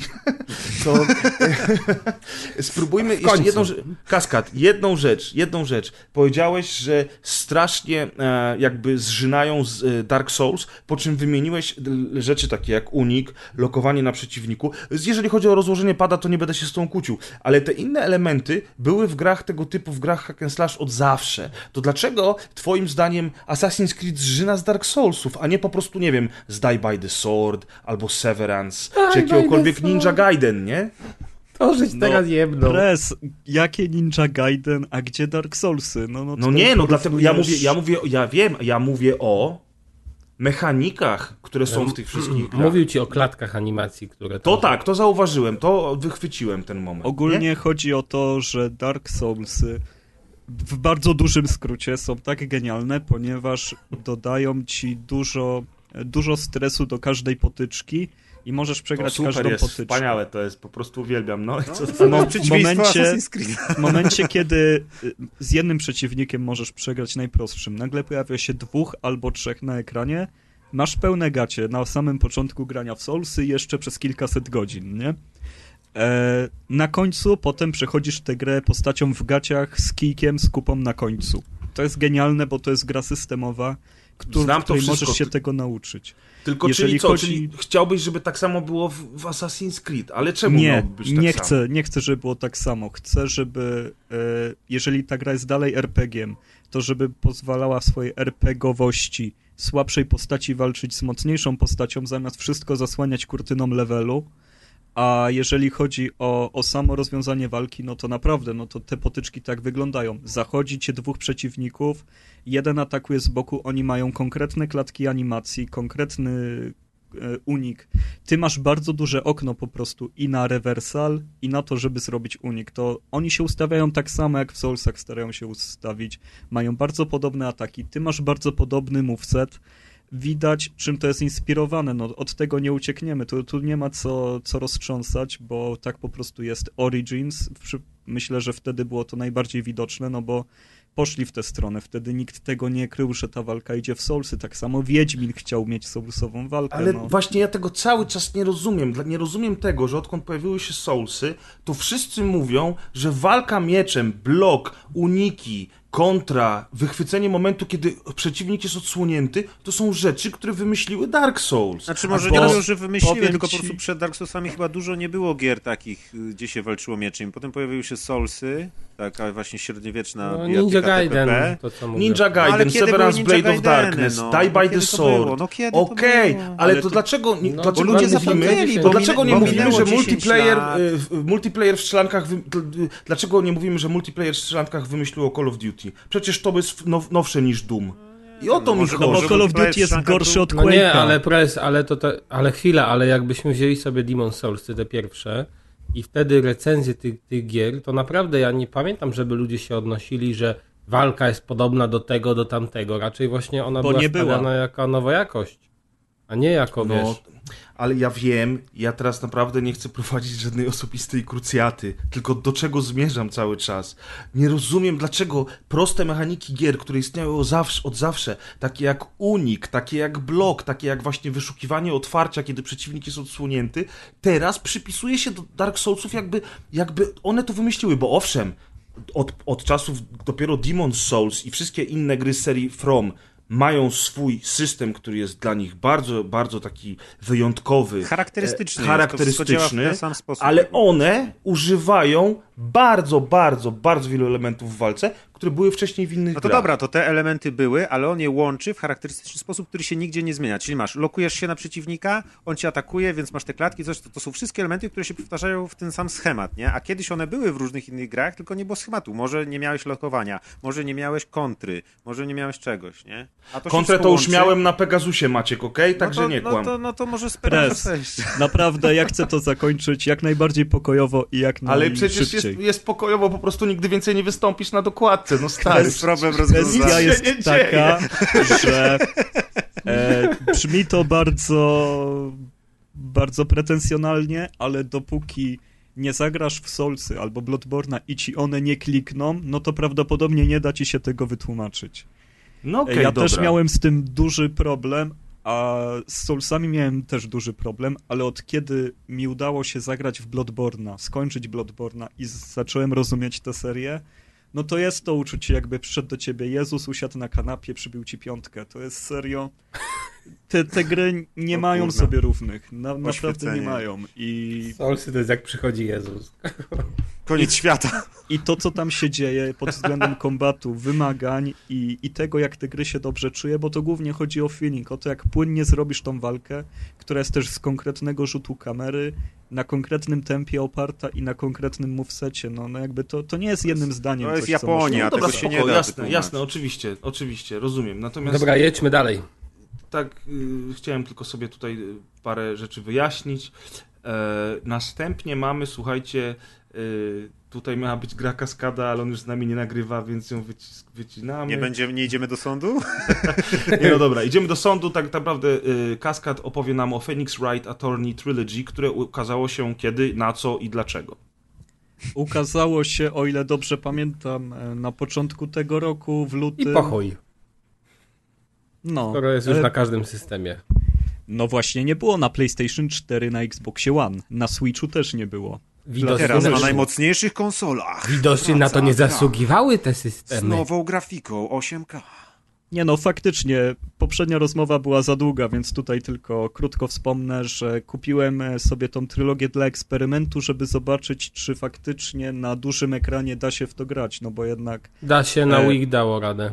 Ace Attorney to jest gra, która no głównie skojarzona z Nintendo DS, przynajmniej u nas, no bo ona ma swoje początki jeszcze na telefonach komórkowych, zanim e, pojawił się system Android, iOS i A nie na Advance'ie? Straszne rzeczy. No, na Jeszcze wcześniej była z komórek przeniesiona na Advance'a. Kas, jesteś niewykształcony. Mhm. No. E, Podstawy. I Idę. tak. Podstawy. Idę na japońszczyznę.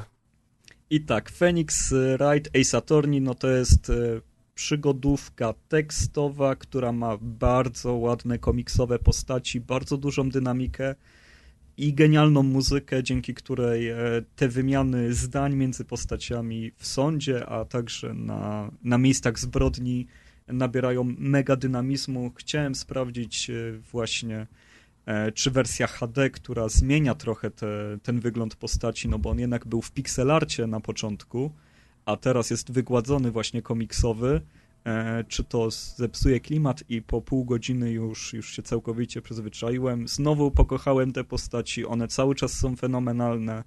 E, każdy, kto czuje choć trochę ciekawości albo choć trochę chęci, że może mu się to spodobać, powinien tego spróbować, bo nie mamy takich gier, nie robi się takich gier. E, może jest powód, że się nie robi, ale Ace Attorney no jest świetnym komiksowym adwokatem, który ma swojego arcywroga, który jest prokuratorem i ciągle się spotykają w sądzie i rozwiązują sprawy nie do rozwiązania. Oczywiście jego wsparciem jest 16-letnia dziewczyna, która jest medium i łączy się e, z jego mentorką, która poniosła tragiczną śmierć i one razem mu pomagają w sądzie, a potem jeszcze dochodzi do tego e, kolejna ośmioletnia dziewczynka, która też jest medium i wszyscy mu pomagają. Hey, I've heard enough, I've heard enough. Gramy, prez, dawaj. Ty pierwszy. Myślę, że wbrew pozorom E, jeżeli macie choć trochę e, ochoty na e, anime, które byście oglądali jak macie 15-16 lat o, o, tam super postaciach, które się kłócą, to to będzie super wybór i, i serio, no już bez przedłużania, bo o tej serii każdy już zdążył wszystko Ja tylko chciałem nadmienić, że właśnie, że właśnie sprawdziłem i jednak Game Boy Advance ale uwierz mi, nie wiem gdzie sprawdzasz, ale mają błąd. No co on ci A jak myślisz gdzie? Niech się douczą. Na Wiki. Wikipedia? No oczywiście. No, no to tak jak mówię, no, studia się zaczynają tam, gdzie internet nie pomaga kas. No, no mówię ci. O, ładnie, ładnie tutaj dzisiaj widzę. Dlatego jesteś studentem. Dlatego powinienem wykładać na Akademii Gier e, dla zjebiszczy, no, ale... To by było fajne. Nie, na, naprawdę świetna gra. telefon cały czas na biurku? Nie. Nie, ale to może mój wiatraczek słyszysz. A, to jest twój Masz wiatraczek. bardzo dobry słuch w takim razie. Dziękuję. Nie słychać faktycznie. Y, dobra, y, to co teraz? No dobra, Muszę mieć wiatraczek, bo bez niego umrę, a go Znaczy nie ja, będzie słychać y, pewnie ja powiem tylko tyle, że ja grałem w pierwszą część na Wii i też dało radę, więc Wii U, Wii U. na Wii nawet jeszcze przed Wii U. No na A, pewno no wygodniej byłoby na handheldzie, ale nawet na stacjonarnej platformie fajnie Tak, tak, się pewnie. rozłożyć na kanapie i sobie przeklikać te dialogi kolejne, bo wyborów jest sporo, sporo trzeba się nazaznaczać, ale głównie i tak e, czytamy dialogi, które są No tak, ale to nie jest- napisane. Ale to nie jest też visual novel taka standardowa, bo jednak Tak. trzeba rozróżnić, że są takie, gdzie faktycznie tylko się czyta, ewentualnie czasem jakiś wybór w prawo bądź w lewo i tyle. A tutaj jednak jest to poszukiwanie przedmiotów, jest to te różne wybory. jakby Łączenie tych faktów, spraw, poszlak fakty, i tak, dalej. No. Dobra. No to, To co mamy dalej? Zostajemy przy ręcznie rysowanych bajeczkach, ale e, Mm. teraz zamiast na wschodzie to Hentai. są rysowane na zachodzie. E, czyli powiemy teraz o komiksach sobie O trochę. E, powiemy o komiksach, nie, cast, nie hentai, okej, ale, ale okej, E, ale, ale jesteś blisko, jeżeli chodzi o, o, o pewną wulgarną, um, O, wulgarną, graficzną, e, graficzną taką um, konwencję, bo mówi, będziemy, Już będę mówił teraz lubię. chwilę o komiksie Garta Enisa, czyli człowieka, który stworzył e, Preachera, Kaznodzieje, jeden z najbardziej chyba znanych komiksów e, amerykańskich, jakie kiedykolwiek powstały. E, bardzo kontrowersyjna seria i później e, Gart Ennis e, odpowiedzialny za scenariusz razem z Darikiem Robinsonem, który odpowiedzialny jest za rysunki, stworzyli serię The Boys, po polsku Chłopaki. Seria ta została teraz zekranizowana i na Amazon Prime właśnie poleciał pierwszy sezon. O, E, I ja w oczekiwaniu jakby na ten serial zasięgnąłem po komiksy, dlatego że był Humble Bundle ze wszystkimi odcinkami. Przeczytałem dopiero pierwszy tom, który ma 150 stron i, um, i chciałem powiedzieć parę zdań, e, dlatego że no jest to typowy Gart Ennis ze wszystkimi e, dobrymi i złymi stronami tego, tego. Dlatego, że Gart Ennis jest bardzo taki e, brutalny w przedstawianiu rzeczywistości, w, w pokazywaniu przemocy e, i fizycznej i psychicznej, w, w pokazywaniu wulgarności i tej takiej całej obrzydliwości świata. I to, co było wszystko e, takie e, dobrze znane w Preacherze, tutaj też widać. Jest inny rysownik, ale a, ale, ale to dalej jest takie mocno graficzne, dalej takie niesmaczne wręcz momentami. Natomiast cały zamysł polega na tym, e, że mamy oto uniwersum, w którym superbohaterów jest na pęczki. E, bo tak naprawdę gen No to, decyduje... tak jak u nas dzisiaj, u nas to wiesz. Na odcinku. No. Tak, tak, jak u nas dzisiaj na odcinku.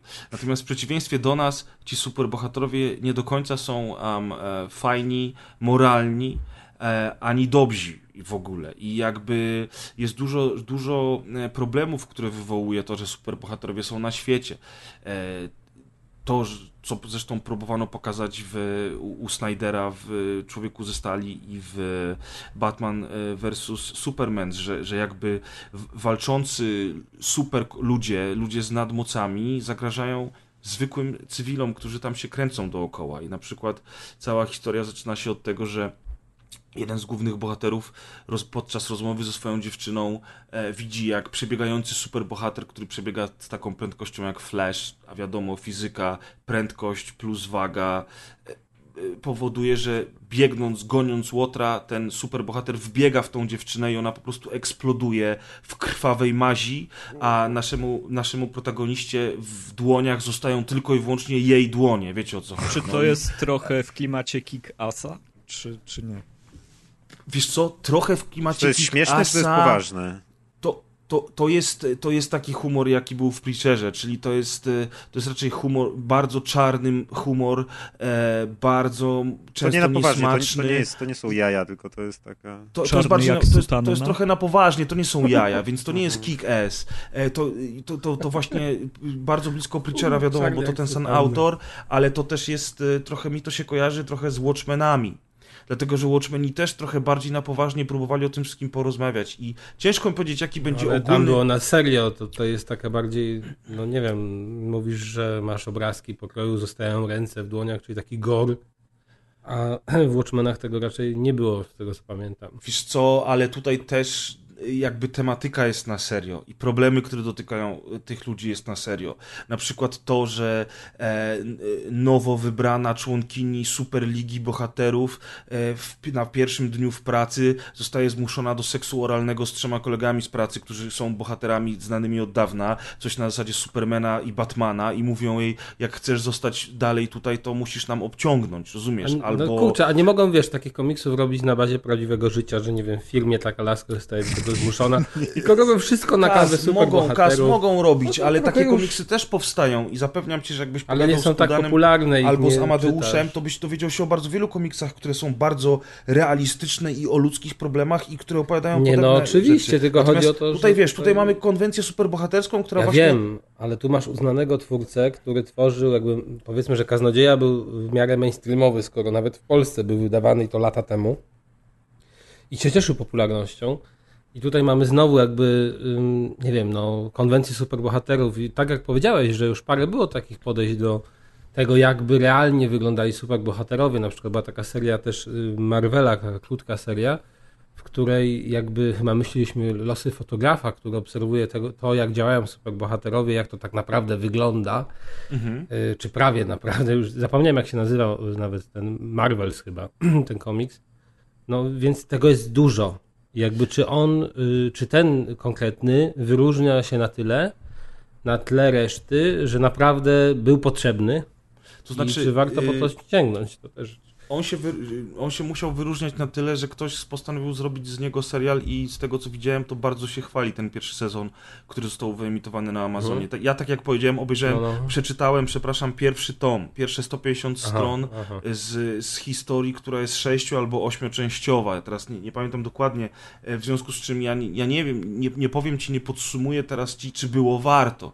Natomiast właśnie chciałem powiedzieć o tym pierwszym komiksie, dlatego że, że właśnie to tutaj e, ładnie nam się łączy z premierą serialu i e, ten pierwszy tom ciężko mi ocenić jako coś, co mi się podoba. Dlatego, że y, o ile uwielbiam Preachera i uważam, że, że jest fenomenalny i jedyny w swoim rodzaju, to on był dla mnie ciężki bardzo w lekturze i momentami zbyt wulgarny, zbyt obrazowy, zbyt niesmaczny. E, The Boys jest troszeczkę bardziej, powiedzmy, wytłumione, jest trochę grzeczniejsze, ale tylko trochę grzeczniejsze i jak na razie faktycznie jeszcze nie wiem, czy to jest ten moment, kiedy, kiedy ja ci jestem w stanie odpowiedzieć, czy warto było, czy to jest sens. Ale z drugiej strony, tego typu historii, które w ten sposób przedstawiają e, świat superbohaterski, ja osobiście znam niewiele i niedoścignione Watchmen nadal na piedestale, natomiast, natomiast to Boys dla mnie jest po prostu taką konwencją ciekawą, jeżeli chodzi o superbohaterów, bo ja komiksów w ogóle superbohaterskich nie czytam odkąd byłem nastolatkiem.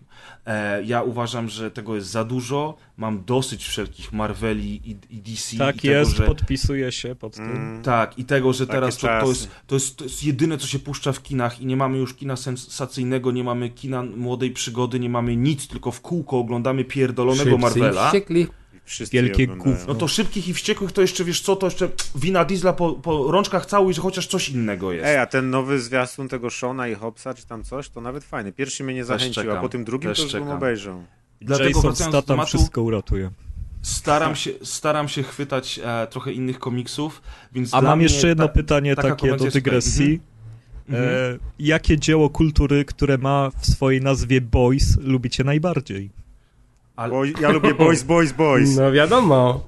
O, to też tam, y, zapomniałem o tym faktycznie. Chciałem już powiedzieć, że ten nasz twór z lat 90., ale Jeszcze ten z dzisiaj, 80. Nie, Sabrina, Boys, Boys, Boys. Ale szczególnie teledysk był udany. No. jeszcze dzisiaj powiemy o innym Okej, innych odpowiedź boysach. była bardziej prosta niż się spodziewałem. A ja nie wiem, coś mi olśniło, że od razu wiedziałem, co Ja wiem, że szukałeś, Jednak serce wie 20 najlepiej. Century Boys, tak? Tak, e, chłopaki z XX wieku, Kas, dokładnie. Ja miałem to na myśli, kiedy się o to pytałem, ale no spoko. Ale Polecam każdemu ten komiks, będę o nim gadał na jakiejś tam dokładce na pewno. Super. Y, Super, dzięki. nie, no, no cieszę się Dzięki za bardzo. wkład. Bardzo się cieszę, no, że będziesz o nie gadał. Y, drugi komiks dzisiaj, to na odwrót teraz będzie z kolei, bo jeżeli chodzi o The Boys, to przeczytałem jeden tom komiksu Będzie o serialu, złamasach. Najpierw nie o widziałem. bohaterach, a teraz o złamasach. Teraz będzie, teraz będzie Doom Patrol, z kolei serial obejrzałem cały pierwszy sezon y, i I komiksu- wszyscy grali w Duma. Komi- I wszyscy grali w Duma, dokładnie. Komiksu nie czytałem dlatego, że ja w ogóle nie miałem e, świadomości istnienia takiej podserii e, DC, jaką jest e, Doom Patrol.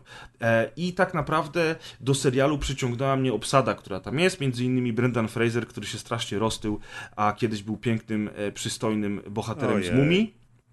E, Ale po, poza Fraserem jest też kilka innych fajnych nazwisk i, i, i wszystko to jest bardzo ładnie zagrane. To jest taki serial superbohaterski typowy dla te, naszej telewizji, czyli, em, e, czyli po prostu y, średnio budżetowy.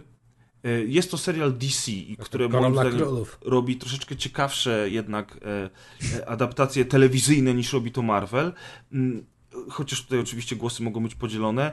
I jakby, jak spojrzycie na to, spojrzycie na trailer, spojrzycie na, na, na, na, grafiki promocyjne, to nie jest to coś, co zachęca w jakiś sposób. Jest banda dziwnych ludzi, którzy dziwnie wyglądają. Do tego jeden z głównych bohaterów, e, Cliff Steele, e, jest robotem, porusza się jak robot, nie prawie że C-3PO z, z Gwiezdnych A ja Wojen, nawet wiem o czym mówisz, ja chciałem to obejrzeć. krainy Os jest wyciągnięty po tak, prostu. tak, tak. I oni, i to, to wygląda trochę tak na zasadzie, o kurczę, ktoś tu zrobił fanfic, a nie prawdziwy serial. Natomiast jak siadasz do tego serialu, to się okazuje, że raz to jest taki zamysł, a dwa, że pierwsze wrażenie totalnie jest nieistotne, bo nawet fabularnie to jest historia grupki bohaterów, którzy przeżyli różne tragedie i wszyscy mieszkają razem e, w domu e, profesora, który jeździ na wózku inwalidzkim i uczy ich, jak być tymi właśnie wyjątkowymi ludźmi, czyli sobie myślisz, no jak oni mogli byli wziąć X-Menów i tak bez, bezczelnie ich zerżnąć, a potem sobie przypominasz, że Marvel zżynał najpierw od DC, potem DC zaczął od nich zżynać, a teraz to już nikt nie wie,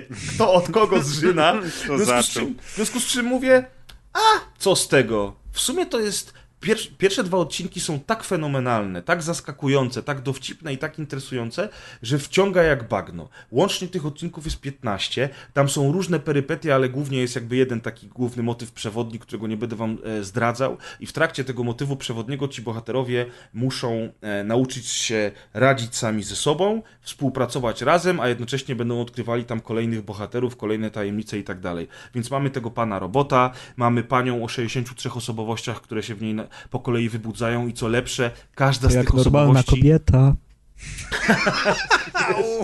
Ale już to odwołuję, to był tylko żart sytuacyjny, ja tego nie powiedziałem. Jest, e, ka, I ta, każda z tych 63 osobowości ma e, zupełnie inne moce specjalne, których używa, więc każda z nich wybudza się w odpowiednim momencie. Jest facet, który e, przeżył straszny wypadek e, e, w kosmosie, w którego weszła zupełnie jakaś obca forma życia, która zamieszkuje jego ciało. Jest, e, jest pani, która zamienia Tego się jeszcze nie było.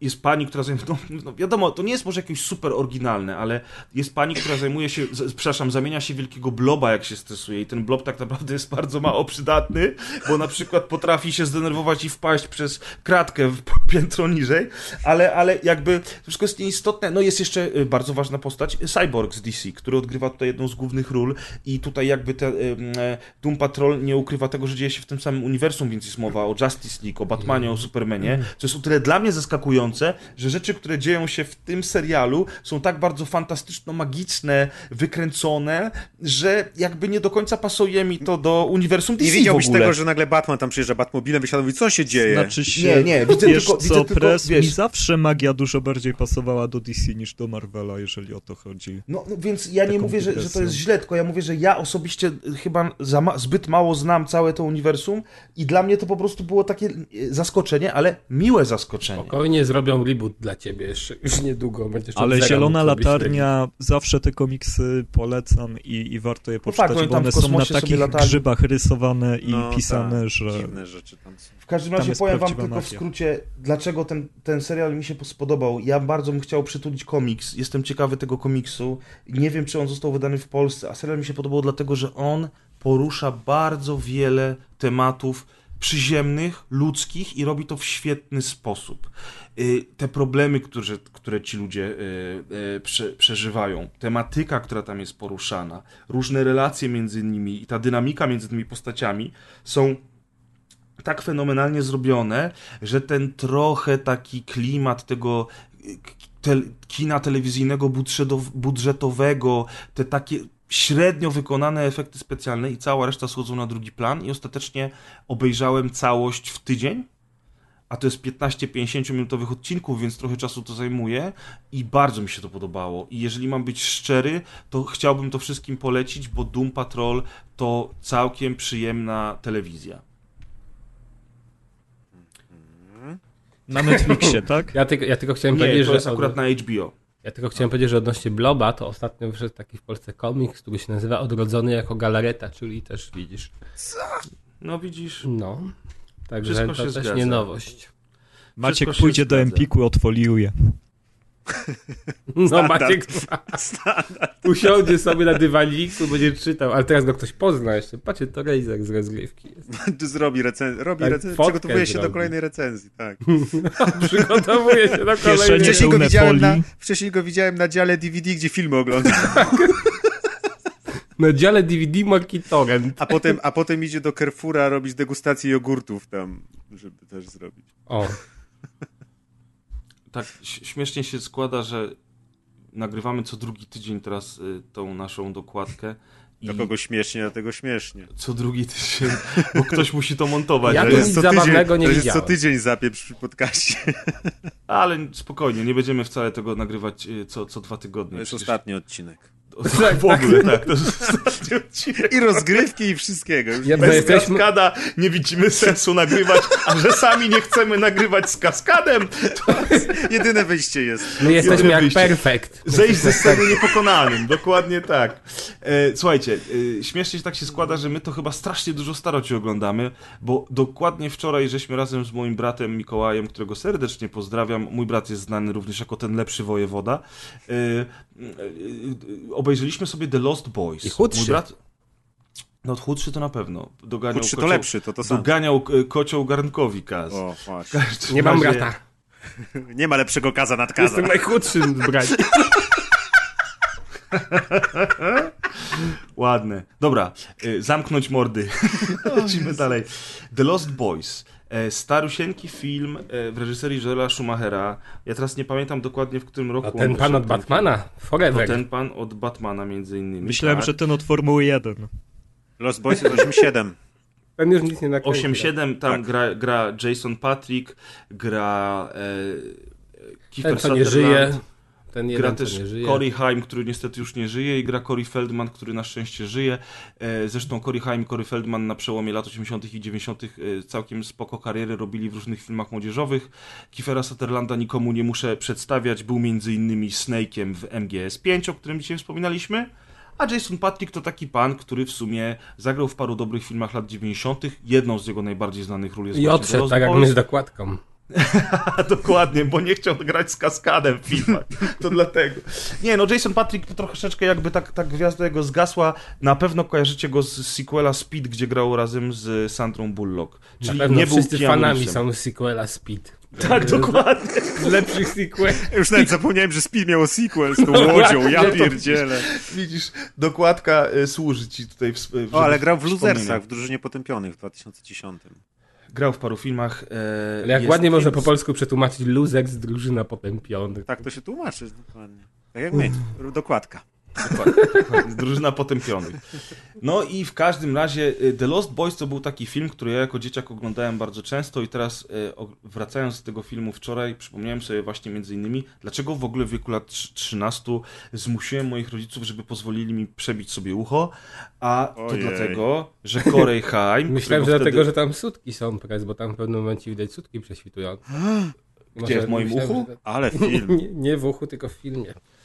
Nie, nie, nie, nie, nie. Skojarzenie, skojarzenie dosyć dziwne. Myślałem, że dlatego chciałeś go oglądać, a nie, Nie wiesz. w uchu, tylko w Ach. filmie. Nie, nie, nie. E, Corey Haim generalnie rzecz biorąc e, widziałem z nim dużo filmów, o których dzisiaj już nikt nie pamięta. On tam grał specjalnych młodzieżowych agentów i w ogóle, ale jako dziecko właśnie grał w takich lepszych filmach. Mali agenci. The Lost Boys. Może ktoś wyłączyć ścieżkę Kaza na chwilę? Ja w ogóle nie kojarzę tego Korea Haima. No właśnie. No bo Nie, widzisz, nie, on, to jest, on tam miał te takie młodzieżowe filmy faktycznie. On miał te młodzieżowe filmy i rzeczywiście przez chwilę był taki dosyć znany, ale bardziej no, w Stanach niż u nas. U nas Taki Lost Boy. Maciek. Tak jak I- ten film. Ja właśnie między, bardzo mi się No, zawsze nagrał podobało. się faktycznie. No bo on, wiesz, on tam, kurczę, w ogóle on zma- zmarł młodo facet na jakąś Tak, poważną no. chorobę. Mhm. Ale, ale nagrał się za dzieciaka dużo. No i Ale dobrze E, grał, to też trzeba powiedzieć. Czy ja wiem, czy Corey Haim dobrze grał? Mi się wydaje, że zawsze grał na jedno Moim zdaniem dobrze. No, a jak miał grać? To były filmy młodzieżowe, to trzeba było młodzieńca. Bardzo dobrze umiał grać na jedno kopyto. Jak potrzebujemy kogoś, kto gra na jedno kopyto. Bierzcie Korea! Dokładnie. Natomiast y, ja go bardzo lubiłem i właśnie też między innymi przez to, że on miał kolczyk w uchu, to ja też sobie zrobiłem kolczyk w uchu. Nasz polski On- Korea Haim. Do... Zresztą, Na jedno kopyto I tak samo trochę, dobrze ale... gra. tylko jeszcze żyje. Wiesz. Y, W każdym razie, no okej. y, Lubiłem bardzo te, te filmy z nim e, kolorowe. On się zawsze kolorowo ubierał, zresztą też kolorowo strasznie się To ubierał. w tak The jak. Boys. E, To tak jak ja. E, I generalnie rzecz biorąc, dlaczego o tym mówię? Dlatego, że to jest całkiem spory klasyk, który został nieco zapomniany i to jest niby taki horror młodzieżowy, ale to nie jest Goonies, tylko to jest troszeczkę bardziej e, poważne, troszeczkę brutalniejsze, a z drugiej strony jakby no tutaj mamy mroczny, horrorowaty klimat plus bandę takich dzieciaków, nie wiem, 13-14-letnich e, i ogląda się to z jednej strony tak, że ja bym tego dzieciom nie puścił, a z drugiej strony ogląda się to tak, że ma się wrażenie, że to jest jakaś właśnie taka typowa produkcja e, młodzieżowa, którą spokojnie mogą oglądać dzieciaki. Bo ona tak ma dwie wersje. Ona ma do pewnego momentu, jest taką dość, wydaje się takim filmem przygody dla młodych, a tam masz jakieś arcade, jakieś wesołe miasteczko, jakiś gości na motorach, a później się przeradza w taki właśnie trochę może slapstickowy, nie, ale taki horror komediowy. O wampirach, taki tematyczny, bo to jest taki dosyć typowy o wampirach. Gdzie... W ogóle Fajny nie jest- spoiler, Maćku, dzięki. Chociaż ogóle- myślę, że. To jest spoiler? To, to jest W ty, spoiler? w ty, myślę, że po tylu latach to, to, to już raczej nikogo Ale no co ty, no przecież to trzeba powiedzieć, bo przecież ten film w sumie to, był takie, to było takie pierwsze podejście do takich, no może nie pierwsze, ale jedno z pierwszych takich, które ugruntowało późniejsze sukcesy młodych wampirów, że w tych serialach pojawiały się takie nastolatki, które miały te cechy wampirów, czy tam stawały się wampirami, na przykład Buffy. To na jest- pewno, to na pewno. mnie, ja w ogóle na przykład o Lost Boys to za dzieciaka w ogóle nie słyszałem. Nie wiem, jak to mnie mogło ominąć. Potem Bo słyszałem to nie było jako... u nas chyba mega popularne, ale... No może tak. No Po- tak po- samo Potem jak słyszałem, Corey jako że, jako że Lost Boys, że jest bardzo znany film o wampirach i że właśnie zawsze go kiedyś No tak, no bo w sumie obejrzeć. teraz ciężko, to tak samo, jakbyś powiedział dzisiaj nie- o Od Zmierzchu do Świtu, nie? Ale Bardzo najbardziej, zab... Tak. najbardziej zabawne, że nawet ten, ta okładka tego, przynajmniej pamiętam nasze wydanie, e, czy też chyba plakat jakiś jest taki, gdzie pokazuje właśnie tych e, gości z tego gangu motocyklowego, to w ogóle jakby moim zdaniem nie odzwierciedlał tego filmu. I można było się pomylić. Nawet tam nie ma wszystkich jest. aktorów, tak jakby niektórzy Takie, są, no kompletnie, nie ma. a to jest naprawdę fajny, kultowy w ogóle ma fajną muzykę. No właśnie, ja się nasłuchałem muzyka. mnóstwo o tym, jaki on jest kultowy, zawsze o tym pamiętałem, nigdy nie miałem okazji obejrzeć i dopiero go obejrzałem pierwszy raz, nie wiem, parę lat temu, może to był 2015-16 i, i całkiem mi się spodobał. Znaczy też był, wiadomo, że trzeba go trochę oglądać z perspektywą, że to jest z 87 roku, czyli osadzić się w tej epoce właśnie Gunisów i takich tam innych takich filmów. Ale no, no właśnie, no bo to tak mówimy o tej epoce i to teraz fajnie wspomniałeś, bo y, właśnie też niedawno y, mówiliśmy o Stranger Things, ja sobie to nadrabiam i jakoś kurde właśnie to Lost Boys przypomniałem sobie, jak napisał Press, że to obejrzymy i starałem się znaleźć jakąś analogię w sensie tym, jak wyglądają te filmy. I jednak mimo wszystko, y, jakbyśmy spojrzeli sobie na to Stranger Things, to nie udało im się tak idealnie jakby naśladować tego ubioru, tego klimatu tamtych czasów, bo tutaj też mamy jakiś salon arcade, jakiś sklep z komiksami, te ubiory postaci, no jednak nie do końca mi to przypomina to, co właśnie widziałem w starych filmach, jeżeli chodzi o Stranger Things, że ta, ta, ta, to odzwierciedlenie nie jest idealne. No bo ono jest takie przerysowane, to jest tak jak to pamiętamy, a nie jak było naprawdę, nie? A tamte filmy pokazują jak było naprawdę, bo po prostu działo się w tych czasach i to było Tak. naturalne, to nie była stylizacja. Znaczy tak, ale to też jest, wiecie, no ten, ten gang motocyklowy jest trochę przerysowany w The Lost Boys. Nie no, Te oczywiście, ale tu fryzury, wiesz, wiesz, o glamowe, klimat, takie o... ro- rokowo-glamowe, te No. kolczyki, te ich kurteczki, wiesz. okej, Oj, no ja już bym powiedział, że to jest 100 razy lepsze niż to, co zrobili w drugim sezonie Stranger Things z tym punkiem i całą ekipą. No spoko, wiesz.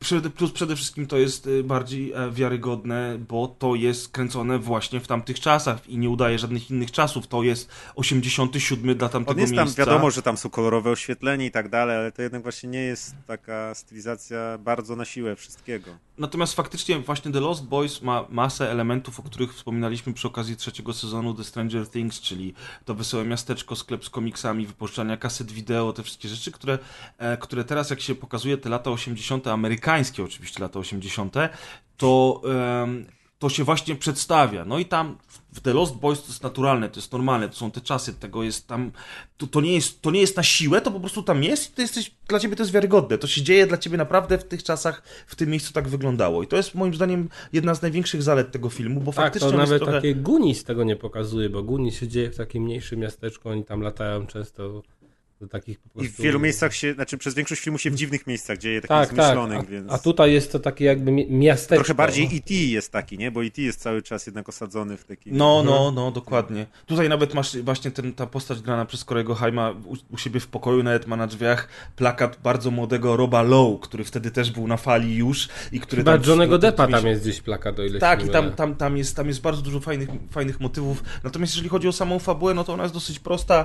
Trochę dzisiaj z perspektywy czasu, po 30 y, latach. 30? Nie ogląda się tego dla fabuły, tylko dla Tak, klimatu. no. dla fabuły tego się już nie ogląda. Wiesz, klimat w sumie też jest taki, że ani to do końca straszne, ani to do końca tajemnicze, Ale zwłaszcza jak chodzi się o wie, o czym klimat jest ten film. czasów właśnie. to Ale jest- klimat tamtych czasów jak najbardziej. Tamtych plus ta muzyka. tak. Plus ta muzyka. I w No. ogóle y, soundtrack, jest, y, soundtrack jest naprawdę całkiem przyjemny. Mało piosenek, ale, ale bardzo fajne. Zwłaszcza ten główny motyw przewodni, który nazywa się Cry Little Sister e, Gerarda McMana. On mi się, ponieważ on ma takie dziecięce chórki, to on mi się totalnie w ogóle cały czas, a pojawia się w tym filmie przynajmniej trzy albo cztery razy. To jest taki To- motyw przewodni, że się też w sequelach pojawia. I on totalnie mi się kojarzył z chórkami u Tiny Turner przy Mad Max Beyond Thunderdome. Ja jeszcze bardziej w tym momencie wczoraj oglądając ten film miałem takie, no kurwa, no to są lata 80. Wiesz, i to było takie, okej, jestem w domu.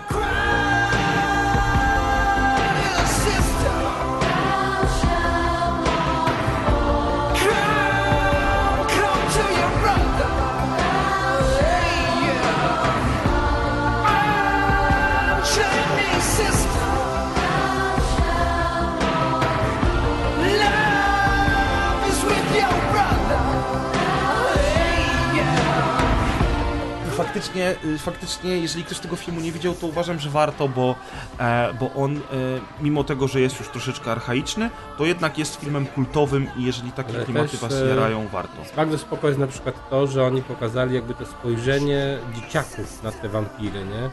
Tak, bo, bo, bo jakby... kołkiem, te, plany tam oni mieli, jak ich Bo z załatwić. jednej jak- strony dzieciaki podchodzą do tego tak mitycznie, że one wierzą w wampiry, a ci wszyscy dorośli mówią, no gdzież wampiry, gdzież wampiry, a potem jak naprawdę się okazuje, że są wampiry, to te dzieciaki właśnie tam z nimi chcą walczyć tymi metodami, których się nauczyły w komiksach na przykład. To jest fajne, Tak, właśnie tak, on... on... Dialogi są spoko moim zdaniem między tymi właśnie dzieciakami i tym jak oni odkrywają Aha. sens Chociaż- e, tego, co tam się dzieje. Aha, Chociaż czasami ciężko jest strawić, bo te zachowania niektórych bohaterów to są takie, że właśnie jakby w dzisiejszych czasach to już by nie przeszło, a wtedy jeszcze można było uwierzyć, że tam, nie wiem, ktoś tam... A jaka jest wasza ulubiona fikcja o wampirach? coś. O matko boska. Ulubiona fikcja o wampirach? No No. to wywiad z wampirem na pewno. E, No. Dracula, e, No, Dracula. drama Stokera, ale ja też troszeczkę odbijając... Blade! Nie, od, ale odbijając od tych właśnie takich jest klimatów, od tych klimatów romantycznych, bo jak dla mnie to i Dracula i wywiad z wampirem są bardzo takie... Ale wywiad z wampirem tylko film, filmy? bo książka to jest taki mega romans. Mi się podobała książka Wywiad z wampirem. Pamiętam, że czytałem po angielsku jeszcze w liceum, była całkiem spoko. Może nie zrozumiałeś, ale taki mega A, ubiegłeś mnie, ale to tak słaby żart, że... Nie, no tak. E, natomiast trzecim, trzecim jakby filmem o wampirach, który, który absolutnie na zawsze w moim serduszku, to jest y, Od zmierzchu do świtu. I po prostu nie ma drugiego takiego filmu. Co ciekawe... Jak się ten Polańskiego nazywał, też był spoko. Tak. A ja wam wszystkim stawiam ocenę 1 w dzienniku za brak Soul Rivera i Blood y, E, Omen tam gry wideo, wiesz co? Jest świetny... Co, Jest, ale, ale poczekaj, bo Blood Omen No. to jest akurat jedna, so, Blood Omen czy Legacy of Kain, bo to tu zawsze jest problem, który to jest e, główny tytuł serii, bo to się zmieniało na przestrzeni kolejnych sequeli. E, to jest jedna z moich ulubionych serii growych i ja bardzo tę serię lubię, ale te wampiry tam troszeczkę swoimi prawami się jednak rządzą. Troszeczkę Ale to nie, a jakie są główne prawa wampirów? Kto to ustala? Bo, bo nie wiem. Nie, nie, ale, ale no dobra, tu masz, pra- tu, tutaj, tutaj oddam ci rację, natomiast wydawało mi się, że... A na drugim miejscu jest hrabia Kaczula, jeżeli pan... O, też O, o, hrabia kaczula spoko, to jest dobry wybór. Powiedzmy, że gdzieś tam w pierwszej dziesiątce może się znaleźć. Jest jeden Ale film, na pierwszym jest, Legacy of Kane na pewno. jest, Genialna jeden film, seria, się strasznie mega... mega... brakuje. Jeszcze Me- fajny był ten, ta gra była taka, jak się sorry, że przerwałem, Blood, y, z tą laską. Śmiało. Blood Rain. Blood Rain, no. To O, Maciek matko, śmiało, Maciek wariacja, ale spoko. Był nie, film, Blood Rain tak, był ale to... film. Był tak, film. Nie, nie, nie wspominajmy o filmie. Kaskad, jak będziesz chciał, to możemy porozmawiać sobie któregoś dnia A więcej. dajmy Legacy of Maćkowi jeszcze, bo Bo ja, tak już je zaraz daję, tylko chciałem powiedzieć, że po prostu bardzo serię lubię. No mów Maćku. Sorry. Jest taki jeden film, o którym ja nie wiedziałem, że jest filmem o wampirach, dopóki go nie obejrzałem. I teraz aż nie wiem, czy o nim wspominać, bo tak naprawdę to jest ogromny spoiler, kiedy się dowiaduje, kiedy wiesz, że to jest film o wampirach, bo tak naprawdę w tym filmie się dowiadujesz To dopiero... jest nie, Jarmusza film? Nie, to jest film... Nie, Jarmusza. 1960 Ale muszę chyba powiedzieć, no bo inaczej się nie da... No to mów, Powiedzieć. trudno, To będzie spoiler, film- ostrzegamy. Będzie spoiler... ale jak ktoś Nie wiadomo, o co chodzi, ale nie- ostrzegamy. Filmu też nie będzie. To jest film e, Let Me In. A, ja akurat okej. widziałem amerykańsko, tam brytyjską wersję, a ona jest oparta na bodajże szwedzkiej wersji. Ska- To jest jakiś skandynawski pierwowzór, Tak, no. tak. I w tym amerykańskim gra ta Chloe Grace Moretz, która właśnie Morec, grała, mhm. Morec, która właśnie Tak, grała nie tam wiem, jak to się wymawia. w Pikasach czy coś. I to jest świetny film o wampirach, bo to jest właśnie taki film, gdzie przez trzy czwarte filmu nie wiesz w ogóle o co chodzi. I myślisz, że oglądasz jakiś dziwny właśnie kryminał norweski albo coś, a, a potem się okazuje, że są wampiry. A już nic więcej nie powiem, to już i tak jest mega No, spoiler, ale ta wciąż warto obejrzeć, nawet wiedząc, kon- że to jest film o wampirach. Konwencja w ogóle jest y, charakterystyczna dla wielu takich głośnych filmów y, o wampirach, bo przecież The Lost Boys też jest takim filmem, w którym nie wiesz o tym, że No to jest tak. film o wampirach. Chociaż tam to tak E, dosyć szybko. Tam Dosyć 20 szybko, ale na przykład właśnie, właśnie Nie, chyba nie. od Zmierzchu do Świtu jest też takim filmem, który nagle w połowie w ogóle filmu, No, w znaczy, połowie filmu on się dzieje- on- zmienia kompletnie konwencję, nie? Kompletnie, dokładnie. I masz takie what the fuck, co jest genialne. No i to właśnie Let the Right One In, albo Let Me In, teraz nie pamiętam dokładnie tytułu tego filmu, o którym ty mówisz. Pozwól mi wejść, tak po polsku Let, się nazywa. let Me In jest ten angielski, a tamten Tak. drugi jest chyba ten ten norweski czy tam coś. Let No. the right one in, tak. Let the. Right One In, czyli dobrze pamiętałem, t, t, czyli ten oryginał się w ten sposób nazywał. No to w ogóle, ale wiesz, y, Let Me Right One... Tfu, bla. Jeszcze raz. E, Let the Right One In nie sugeruje tytułu, ale Let Me In już troszeczkę sugeruje, No, co może może troszkę dziać w tak. tym filmie, nie? Bo nie wiem, czy nasi słuchacze wiedzą, że e, według większości podań i myków, które pokazuje się w filmach, to e, wampir sam nam do domu nie Wampira wejdzie. trzeba zaprosić. Wampira trzeba zaprosić. Na przykład Dokładnie zapro tak. na fejsie wysłać albo coś. To jak już mówimy o filmach wam- wampirzych, to i był taki film z panem, o którym musimy koniecznie dzisiaj wspomnieć, e, z Rutgerem Hauerem. E, był film Miasteczko Salem na podstawie powieści e, O, Stevena. e, Stephena Kinga. Całkiem niezły film telewizyjny, w którym jedną z głównych ról grał Rob Love. I tam też był ten motyw z puszczaniem właśnie do mieszkania. Dobra, ale to wampiry wampirami. Zmarł Rutger Hauer. I co Oliwa. ciekawe, Rutger Hauer zmarł w wieku lat 75 w 2019 roku, czyli dokładnie w roku, w którym dzieje się akcja filmu Łowca Androidów Ridleya Scotta, e, w którym e, Rutger Hauer odgrywał rolę androida Roya Bettiego, który w tym filmie właśnie, uwaga, spoiler, umiera.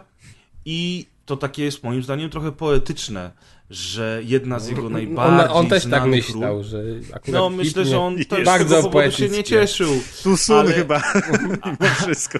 Ale, ale, ale, ale jest to romantyczne. No, rozpaczy nie ma. No, Nie, no facet, tak, no facet to- wiecie, miał 75 lat swoje No tak, przeżył. no ale wiadomo, No no, tak. że jakby jest to strata, dlatego że to jest gość, którego my znamy. To jest w ogóle. Był bardzo Ciekawe- dobrym bad boyem zawsze, no. Tak, ale też nie, Tak. ale on y, też grał właśnie to jest to, że ja go pamiętam od dzieciaka w takich filmach, wyda, wydaje mi się, nie wiem, bardziej takie lata 80. ten motyw, ale później też jako takiego już dojrzałego A on się aktora. posługiwał swoim prawdziwym imieniem i nazwiskiem, czy to wymyślił Rutger Hauer? E, on się po, po, posługiwał swoimi prawdziwymi Tak. imie- imieniem i nazwiskiem, dlatego że on był Szwajcarem Holendrem. albo Holendrem. Holendrem był chyba. Holendrem, widzisz. Więc to Holender, było jego tak, prawdziwe Holender. imię i nazwisko. Mhm. Tak samo jak Arnold Schwarzenegger. Czyli czarny murzyn. Coś Czarny dla Preza murzyn. akurat. Tolerancja! Tolerancja! Jedziemy dalej, tak, z tematem, co tu jest dalej? E, nie, no jasne, jedziemy razem, jedziemy, jedziemy z tym tematem, natomiast warto było wspomnieć o Rutgerze Hauerze, bo on idealnie Ulubiony film z Rutgerem się- Hauerem, nie licząc Blade Runnera. Okej, Autostopowicz. e, Ślepa Furia. E, no ja w sumie Blade Runner i tak powiem. Ucieczka A, z Sobiboru była spoko, ale... Jeszcze Zaklęta w Sokoła Zaklęta taki- Sokoła to klasyk, tak. i taki film e, z lat 90. Nocny gdzie... Jastrząb, tylko że Nocny Jastrząb, wiem, te, te, czy on tam to- dużo grał, już nie pamiętam. ale był też taki film, zupełnie nie pamiętam teraz tytułu, w którym grało wielu znanych wtedy am, amerykańskich aktorów i Ice-T grał rolę ofiary, którą wypuścili w lesie i kaza, kazali mu uciekać. Zresztą wielu tam osobom kazali uciekać, on nie był jedyną ofiarą, ale odgrywał jedną z głównych ról, natomiast Rutger Hauer i jego koledzy, między- innymi John McKinley, czyli znany nam wszystkim Dr. Cox z, The- Scrubs, e, bawili się w polowanie na ludzi. I to był taki, kurczę, powiem wam, akcyjniak typowy z VHS-ów, ale świetnie się go oglądało wtedy, jak się było tam nastolatkiem. E, natomiast za cholerę nie pamiętam tytułu tego Musisz filmu. szybko wejść na wiki. A dokładnie podo- a czy- podobny film był z Van Damme, gdzie też na ludzi polowali. A czy ten, a pamiętacie, pamiętacie, czy to on grał z tą polską aktorką z Pacułą w jakimś tam filmie, czy mi się śni właśnie Rutger Hauer? Bo taki co, może znany nas w Polsce, że polska aktorka, coś tam ze znanym aktorem. Zaraz zobaczymy, sprawdzimy. To nie kojarzę. To ja w międzyczasie powiem, że moim ulubionym filmem jest Blood of Heroes, znany także jak pod alternatywnym tytułem Salute to the Jagger chyba, albo... No właśnie, to Salut też jest Jaggerom. taki, to jest To taki był taki klasyk. posta- tak, postapokaliptyczny, taki troszkę Mad Maxowy film o sporcie brutalnym, takim futbolu amerykańskim z bronią, gdzie trzeba było czaszkę psa zatknąć na patyku przeciwnika i tam... Jak ktoś lubił Mad Maxy, a tego nie oglądał, to może sobie obejrzeć, bo fajny. Jest, Crusade of Vengeance, to to nie jest to? To ślepa furia? Nie. Nie, Ślepa Furia to było po prostu Blind Fury i tam chyba Pacuła nie grała, natomiast... Dobra, ale jest Crusade of Vengeance, faktycznie jest tutaj Rutger Hauer i Pacuła Joanna. No to jest wielka, e, e, wielka chwila dla Polski i dla Polaków. Rutger Hauer jest praktycznie Polakiem w tym momencie. Praktycznie Wygraliśmy. jest Polakiem, Wygraliśmy pomniki stawiamy wszystko. już w całym kraju, natomiast, natomiast Zmieniamy ulicę z Kaczyńskiego na Hauera. poproszę, co? No ale proszę dalej. Państwa, spójrzcie, numer 4, Anna Pacuła, one rozbierały się najczęściej, WP Film. Kaza już straciliśmy oficjalnie na dzisiejszym odcinku. Film, o którym ja mówiłem z kolei, to jest gra o przeżycie po angielsku Surviving the Game z 94 roku. No i okej, e, to był Rutger Hauer, e, bardzo dobry aktor, masa klasyki. Dziękujemy za uwagę temu panu, który e, jak łzy w deszczu zniknął, ale nie zapomnimy o nim, tak jak, tak jak te momenty, o których mówił on w Blade Runnerze. Zrobiło się tak grzewnie i smutno, przechodzimy dalej i mówimy o filmie Maćka Rules of Attraction. Znaczy Maciek go nie reżyserował, ale chcę o nim opowiedzieć. A, jakbym wyreżyserował, to bym był dumny nawet. Człowieku. Ja bym nawet mam- mówił, że cię znam. O kurde, też bym się może przyznawał do ciebie w końcu. Słuchajcie, możemy pozostać w roku 87, czyli w roku, kiedy wyszli The Lost Boys film, ponieważ w tym samym czasie y, Świetny rocznik. książka... No nie wiem. Pięć lat temu, pięć lat wcześniej był lepszy, ale okej. Bo Blade Runner 8-4 wyszedł. to dopiero. E, co wy wiecie o rocznikach? Słuchajcie, w 87 wychodzi książka Rules of Attraction, którą napisał nasz znajomy Brett. Brett Easton Ellis. A w 2002 roku powstała jej adaptacja, reżyserowana przez Rogera Avery. E, W Polsce nazwana, nie wiem czemu, Żyć szybko, umierać młodo. I y, ten film y, jeszcze, co ciekawe, tą swoją ścieżką dźwiękową również nawiązuje do dekady, w której powstała książka, czyli do lat 80., ponieważ jest tam m.in. The Cure, Blondie czy Erasure, więc to też do Lost Boysów pasuje idealnie taka muzyka. Razer. Er- Era- Eraser. Razer. I w sumie ta muzyka jest y, taka fajna, że aż się zastanawiałem, czy by jej nie dać na intro, ale po pierwsze nie mógłbym wybrać, który utwór wybrać. A ja już a wybrałem. Tym, a poza tym Lost Boysi są w tym odcinku, więc to jest bezkonkurencyjne po prostu, więc polecą Lost Boysi pewnie. Ale ja tak? myślałem, że intro jest zawsze Nie. takie samo. Czy ty Ale do dawać- outra, to ja źle Nie. Nie, Boys, do Boys, outra to Boys Lost miało Boys, lecieć. no. O kurde, to musiał remix zrobić. Pójdziemy na, wiesz, na, na, na, na, na jak to się mówi, na kompromis i puścimy Boys, Myślałem, Boys, że Boys. na, na, na noże plastikowe pójdziecie. Albo na... A, nie powiem. E, w każdym razie, e, ten autor, który tą książkę napisał, to on napisał później American Psycho, między innymi. E, I ona też została zekranizowana i jeszcze napisał wiele innych książek i cztery zostały zekranizowane, ale on mówi, że najlepszą ekranizacją jego książki jest właśnie Rules of Attraction, że jest najwierniejsza i najbardziej oddaje klimat i te uczucia z tej książki i tak dalej. I jest jakby dumny z tej ekranizacji i ją poleca. E, I jeszcze co ciekawe, jeden z głównych Dumny bohaterów... jak Sapkowski. No, no, tak trochę inaczej. Ale zobaczymy, może jak będą cztery ekranizacje Sapka, to może któryś sobie wybierze jakąś. I jeszcze co ciekawe, jeden z głównych bohaterów y, tego Rules of Attraction nazywa się Sean Bateman i jest oficjalnie w lore y, bratem Patricka Batemana, czyli głównego bohatera American Psycho. I Rules of Attraction to jest film, z którym ciężko mi jakby, jak się zastanawiałem, jak co o nim opowiedzieć, to, to ciężko było mi mm, jakby wymyśleć jakiś, od czego zacząć i przypomniało mi się, że przez chwilę rozmawiałem o, tym, o nim z Tomkiem Pieniakiem i jeśli dobrze pamiętam cytat, Tomek, przepraszam, jeśli źle pamiętam, to Tomek powiedział, że to jest pięknie nakręcony film o niczym. I rzeczywiście, jakbym się tak zastanowił, to tro, trochę coś w tym jest, bo nawet reżyser przyznał, że chciał zrobić taki arthouse'owy film dla nastolatków, i tu cytuję film, który będzie zabójcą nastoletnich komedii, bo rzeczywiście Rules of Attraction na pierwszy rzut oka ma bardzo wiele wspólnego z tą całą falą tych komedii o y, uczniach, licealistach i studentach typu American i Pie i, i, i te wszystkie, co tam się z American Pie kojarzyło. I nawet, I nawet do tego doszło, że y, dystrybutor Rules of Attraction nie wiedzieć czemu reklamował ten film jako taką właśnie komedię o uczniach i między innymi dlatego w USA ten film poniósł ogromną porażkę tam finansową, bo, bo, bo potem się okazało, że takim filmem nie jest. Ponieważ y, Rules of Attraction jest y, to historia kilkorga studentów, którzy są y, powiązani ze sobą różnymi relacjami, które to są relacje takie miłosne, które też mm, najczęściej się wykluczają. I to wszystko jest jeszcze dodatkowo skąpane w, przy różnych imprezach pełnych alkoholu, narkotyków i przygodnego seksu. I jest tam bardzo dużo homoseksualizmu w tym filmie, więc jeśli ktoś jest uczulony, no to odradzam. I y, tak jak właśnie- Tolerancja. Tolerancja, dokładnie, to jest, mówiłem tytuł odcinka.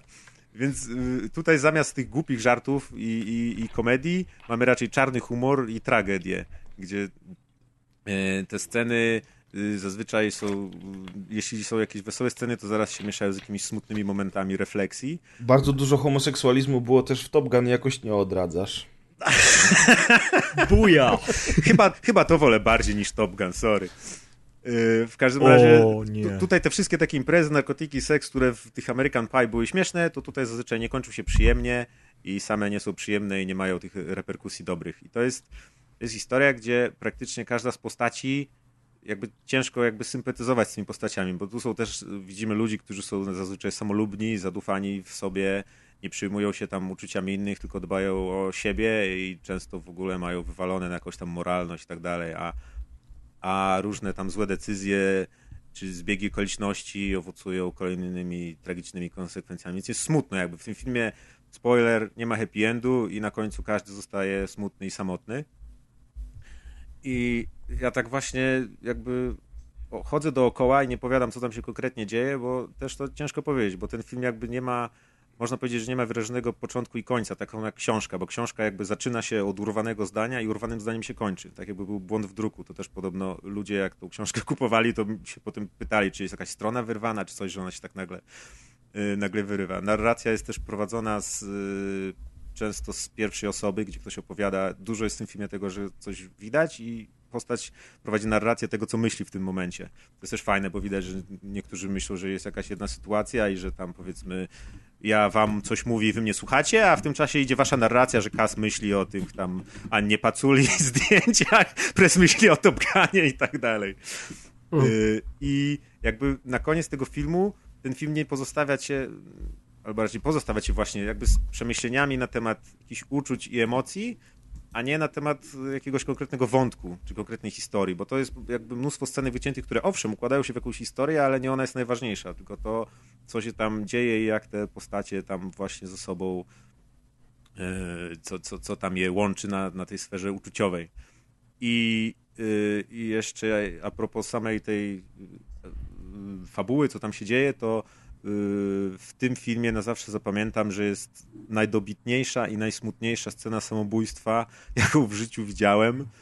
I muzyka, sposób tego nakręcenia składają się w naprawdę taką przerażającą całość, że to zapamiętam jako właśnie na, najsmutniejszą scenę pokazującą okropieństwo samobójstwa, ja- jaką widziałem. Yy, Film jest fajnie nakręcony, to co Tomek powiedział, że to jest fajnie zrobiony film, trochę tam o niczym, bo ma sporo momentów, kiedy akcja leci do tyłu i przez na przykład minutę obserwujemy, jak się wszystko cofa, cofa, różne kadry, potem nagle jest muzyka staje i wszystko leci od początku i oglądamy akcję normalnie w przód, tylko na przykład te same wydarzenia oglądamy tam z troszkę innego punktu widzenia czy coś. To jest taki artystyczny zabieg, który jest, całe intro się z tego składa jakby, cały wstęp do filmu i potem się parę razy powtarza w trakcie seansu.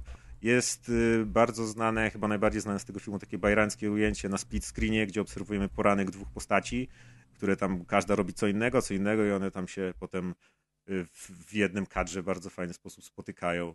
Jest masa muzyki też w, w tle, która często jest dziwna i jest taka trochę lekko na haju, tak jak w sumie bohaterowie tego filmu albo cała akcja, ale ona świetnie podkreśla to, co się dzieje na ekranie, czy tam do tych imprez, czy do jakichś takich weselszych, smutniejszych momentów pasuje. I soundtrack przy okazji też właśnie chciałem bardzo polecić. To jest jeden z niewielu soundtracków do filmów, których ja słucham, a słucha mi się rewelacyjnie, mimo że on jest gatunkowo różny, ale jest jakoś tak spójny. I jakby po tym ja ten film widziałem już, nie wiem, paręnaście razy, to lubię sobie, kiedy wiem, że chcę się w jakiś taki Parę konkretny... naście razy? Czyli ty nie żartowałeś z tym, że Nie. wolisz to od Top Gun? No, nie, ja Top Gun tam parę razy widziałem, a to to oglądam, nie wiem, staram się tak przypominać, jak tylko trochę zapomnę, to staram się go sobie przypominać, bo właśnie to nie jest film, który się ogląda dla fabuły, którą się zna, więc dlatego można do niego wracać. Poza tym też jak się do niego wraca, to czasem można zauważyć jakieś drobne niuanse, zastanowić się nad innym y, działaniem postaci, dlaczego tak zrobił, albo co musiało Mega to szanuję, też mam takie filmy, więc no to jest zajebiste No, on mnie, polecenie. on mnie, ten, ten film mnie właśnie wprowadza w jakiś taki stan, skłania do refleksji, kiedy ja chcę właśnie też, tak samo jak z tą muzyką, z tym soundtrackiem, on mi się już tak łączy z tym filmem, że jak ja go słucham, to sobie przypominam te sceny i to jest właśnie coś takiego, że ja wiem, wiem w jaki, w jaki sposób ja A się myślisz, czuję Maciek, jakie... że młodszym odbiorcom on teraz przypadnie do gustu, że ludziom, którzy się urodzili koło 2000 roku, powiedzmy? Yy, no ja ciężko powiedzieć. On jest na tyle dziwny i na tyle taki powiedzmy odrobinę nierealistyczny, bo to nie jest jakby, od razu widzisz, że to nie jest na faktach, tylko jest to tam trochę... To też jest ciekawe, bo jak y, czytałem tam trivie różne i ciekawostki na temat tego filmu, że jak go obejrzał jakiś tam, nie pamiętam teraz kim on był, ale czy to był jakiś tam, powiedzmy, minister edukacji, czy jakaś taka osoba, czy tam coś, to powiedział, że ten film jest nierealistyczny i że właśnie tak na pewno nie jest. I podobno dostał masę maili, czy tam listów od studentów, którzy mówią, że nie, że tak naprawdę jest, że oni tak naprawdę imprezują, takie rzeczy się dzieją, tak biorą narkotyki, uprawiają seks i się zdarzają różne gwałty i tam inne takie rzeczy. Więc on jest z jednej strony to jest właśnie trochę tak, jakby wziąć taką, taką bandę ludzi z American Pie i zrobić o nich taki film dojrzalszy, bez żartów, naprawdę i jeszcze bardziej depresyjny. I wydaje mi się, że on chyba by był strawny absolutnie, bo to nie jest tak, że właśnie to jest tak jak Lost Boysi 87, to jest inna era, ludzie się inaczej wysławiali, inaczej rozmawiali, na inne rzeczy zwracali uwagę. Tutaj, jak to teraz oglądam, to myślę, że świat aż tak się bardzo nie zmienił przez te tam 17 lat. I, I że jakby bardzo łatwo się wczuć w, w atmosferę kampusu. Plus te problemy tych ludzi są na tyle uniwersalne, to jest też świetne, że to jest kompletnie poza czasem, nie? To jakby on się nie opiera bardzo na e, epoce, w której się dzieje. To to jest tylko tam, ta muzyka jest nawiązaniem do, do lat 80., w których była książka wydana, ale, ale też w ogóle nie przeszkadza, więc tu, tutaj on jest myślę, do, trafi, nie, nie ma problemu nie, z wiekiem oglądającego. Przy czym na pewno lepiej jest go oglądać, jak się nie ma 12 lat, tylko trochę więcej. I też to jest fajne, że jakby wydaje mi się, że ja też z czasem, on wyszedł w 2002, ja go na premierę nie oglądałem, ale chwilę później, no to nie wiem, też byłem jakoś na studiach chyba. No to miałem tam powiedzmy 23-25 lat. I potem z czasem, jak go kolejny raz oglądam, to jakby cały czas go doceniam i cały czas na mnie tak samo działa, albo nawet może teraz mocniej po tym, co tam się przeżyło. Więc jest yy, bardzo, bardzo go lubię. I jeszcze tu mam ciekawostki wypisane. Jest, jest też, a propos tego, jak jest zrobione, jest świetna scena kilku, kilkuminutowego takiego hyperlapsa, czyli takich bardzo szybko przyspieszonych ujęć, jakby się przewijało film do przodu, z wycieczki jednego z bohaterów po Europie. I e, towarzyszy jej ciągła taka bardzo szybka narracja tego bohatera, który opowiadał, że tu byliśmy tu, to zrobiliśmy to, tu pojechałem tam, tu zrobiłem to, tu zrobiłem tamto. I z tym się wiąże ciekawa historia, ponieważ to wszystko zostało tak nakręcone, że pojechał reżyser, producent odpowiedzialny za prawną stronę tego przedsięwzięcia i ten aktor wsiedli razem w samolot i polecieli na dwa tygodnie do Europy, gdzie reżyser ręczną kamerą kręcił tego aktora 24 godziny na dobę, a ten aktor miał się zachowywać tak jak postać z tego filmu. I on tam generalnie podrywał laski, ostro imprezował, byli tam na koncercie y, techno Paula Oakenfelda, i przez dwa tygodnie zwiedzili 12 miast, gdzie tam prawie nie spali, mieli 70 Rola godzin materiału, tak, z którego zrobili tam 4 minuty po tym filmie. Ale Amerykanie tak myślą, że jak jadą do Europy, to jakby to był jeden kraj, nie? To jest też takie... No, no, no. I generalnie potem reżyser z tego całego materiału, poza tym, że zrobił 4 minuty do filmu, to sklecił 90-minutowy jeszcze film, Y, tylko że ten, ten film został nigdy nie wydany i tam tylko czasami jest podobno pokazywany na jakichś pokazach, ponieważ jak sam reżyser opisuje, jest wątpliwy etycznie i z wielu prawnych powodów nigdy nie powinien zostać wydany, bo tak naprawdę jest to 90 minut prawdziwego podrywania kobiet po całej Europie. A oni to tak kręcili, że zaczynali jakąś scenę, potem tłumaczyli tym ludziom, że tak naprawdę kręcą film. Jak tam ci się zgadzali, to podpisywali oświadczenie, że chcą być w filmie i oni dalej szli po prostu w gaz, nie? Więc to było bardzo ciekawe, że tak można kręcić i że potem to coś takiego trafia do, do filmu. I druga fajna historia jest taka, że jest tam y, w filmie taka taka, taki spontaniczny moment, kiedy mm, postacie skaczą po łóżku w fotelu i robią striptease do piosenki George'a Michaela Fate. Y, I to zostało nagrane totalnie z czapy, bo jeden z tam z bohaterów miał awiatory, ktoś tam powiedział, znaczy z aktorów miał awiatory, okulary, ktoś mu powiedział, że wygląda jak y, właśnie George Michael. Potem ktoś tam nucił tą piosenkę Fate, oni mieli jeden dzień wolny, więc postanowili zabić nudę na planie. Nagrali coś takiego i było to na tyle fajne, że chcieli to wrzucić do filmu, tylko stwierdzili, że nie mają budżetu na wykupienie yy, pozwolenia na tą piosenkę. Więc reżyser napisał do George'a Michaela, wysłał mu tą scenę i George Michael mu powiedział, że mogą za darmo użyć Fate w swoim filmie. Mega. Świetna sprawa. Akcja rewelacyjna. A, i jeszcze, i na sam koniec, ostatnie zdanie. Yy, Na końcu filmu jest, odbywa się tak zwane End of the World Party. To jest taka nazwa imprezy tam Amerykanie w tych swoich akademikach, studenci nazywają tam różne swoje imprezy. I end, sceny na End of the World Party były kręcone 11 września 2001 roku, czyli wtedy, O kurczę. kiedy w wieżowce przywaliły samoloty. Były to jedyne zdjęcia filmowe kręcone w Los Angeles w tym dniu i cała ekipa mówi, to, to jest końcówka filmu i tam wszyscy są przygnębieni, jak już się możecie domyślać po całym moim opisie, więc y, cała ekipa mówiła, że była autentycznie, totalnie przygnębiona tego dnia. Więc to, jak oni wyglądają naprawdę, to jest to, jak mają zagrać, plus to, czego się dowiedzieli, co się wydarzyło tego dnia, kiedy kręcili. Niesamowite, aż jestem w szoku, że w ogóle kręcili tego dnia, no bo to jednak No, no. to, to była taka tragedia osobista dla, nie tylko dla Amerykanów, ale w ogóle dla, dla wielu ludzi, e, zwłaszcza na zachodzie. No i generalnie rzecz biorąc, wydawałoby się, że tego dnia amerykańscy aktorzy raczej by, Że wszystko stanie, nie? wiesz, dostali wolne czy coś, nie? Wiesz, Wolne z okazji zamachu! Uhu! No ale no wiesz, o co chodzi, nie? Wiesz, Nie, no tak, Sprawdzić, tak, czy wiem. rodzina z Nowego Jorku jest cała i zdrowa, coś tam, coś tam, wiesz. No, oni... no, no. No, sorry, kręcimy dalej. No, to, to, Ostatni to dzień zdjęciowy, nie? Natomiast ja ci powiem, że bardzo mnie zainteresowałeś, dlatego że ja ten film oglądałem w 2002 roku na premierę, czyli miałem lat 18 wtedy i generalnie byłem idiotą. E, więc e, film, film pamiętam, pamiętam głównego bohatera, pamiętałem to, że rzeczywiście to jest powiązane z American Psycho. Natomiast nic więcej z tego filmu nie pamiętam i na pewno do niego wrócę, bo, bo strasznie mnie zachęciłeś. A w ogóle wow, kilkanaście razy, naprawdę, ja myślałem, że ty bardziej wiesz, Top Gun, nie, Komando, tu, tu, tu, tutaj proszę. Kondo się nudzi za trzecim razem. Nie, Kondo się nudzi, nu, nu, nudzi za dwudziestym razem. No właśnie, za 23 Dlatego razem. na pulsie co, co dwa lata lecimy. Słuchajcie, pogadaliśmy, pośmialiśmy się, e, troszeczkę e, e, czasami lepiej, troszeczkę czasami gorzej Liznęliście trochę kultury. Dokładnie, zawsze z nami najlepsza forma kultury, najwyższa. E, I dziękuję Wam wszystkim za dzisiejsze spotkanie. E, Następnej dokładki nie będzie, także do usłyszenia gdzie Ani indziej. rozgrywki nie będzie. Nie będzie niczego. E, no to cześć. Na razie. Na razie, cześć. Cześć.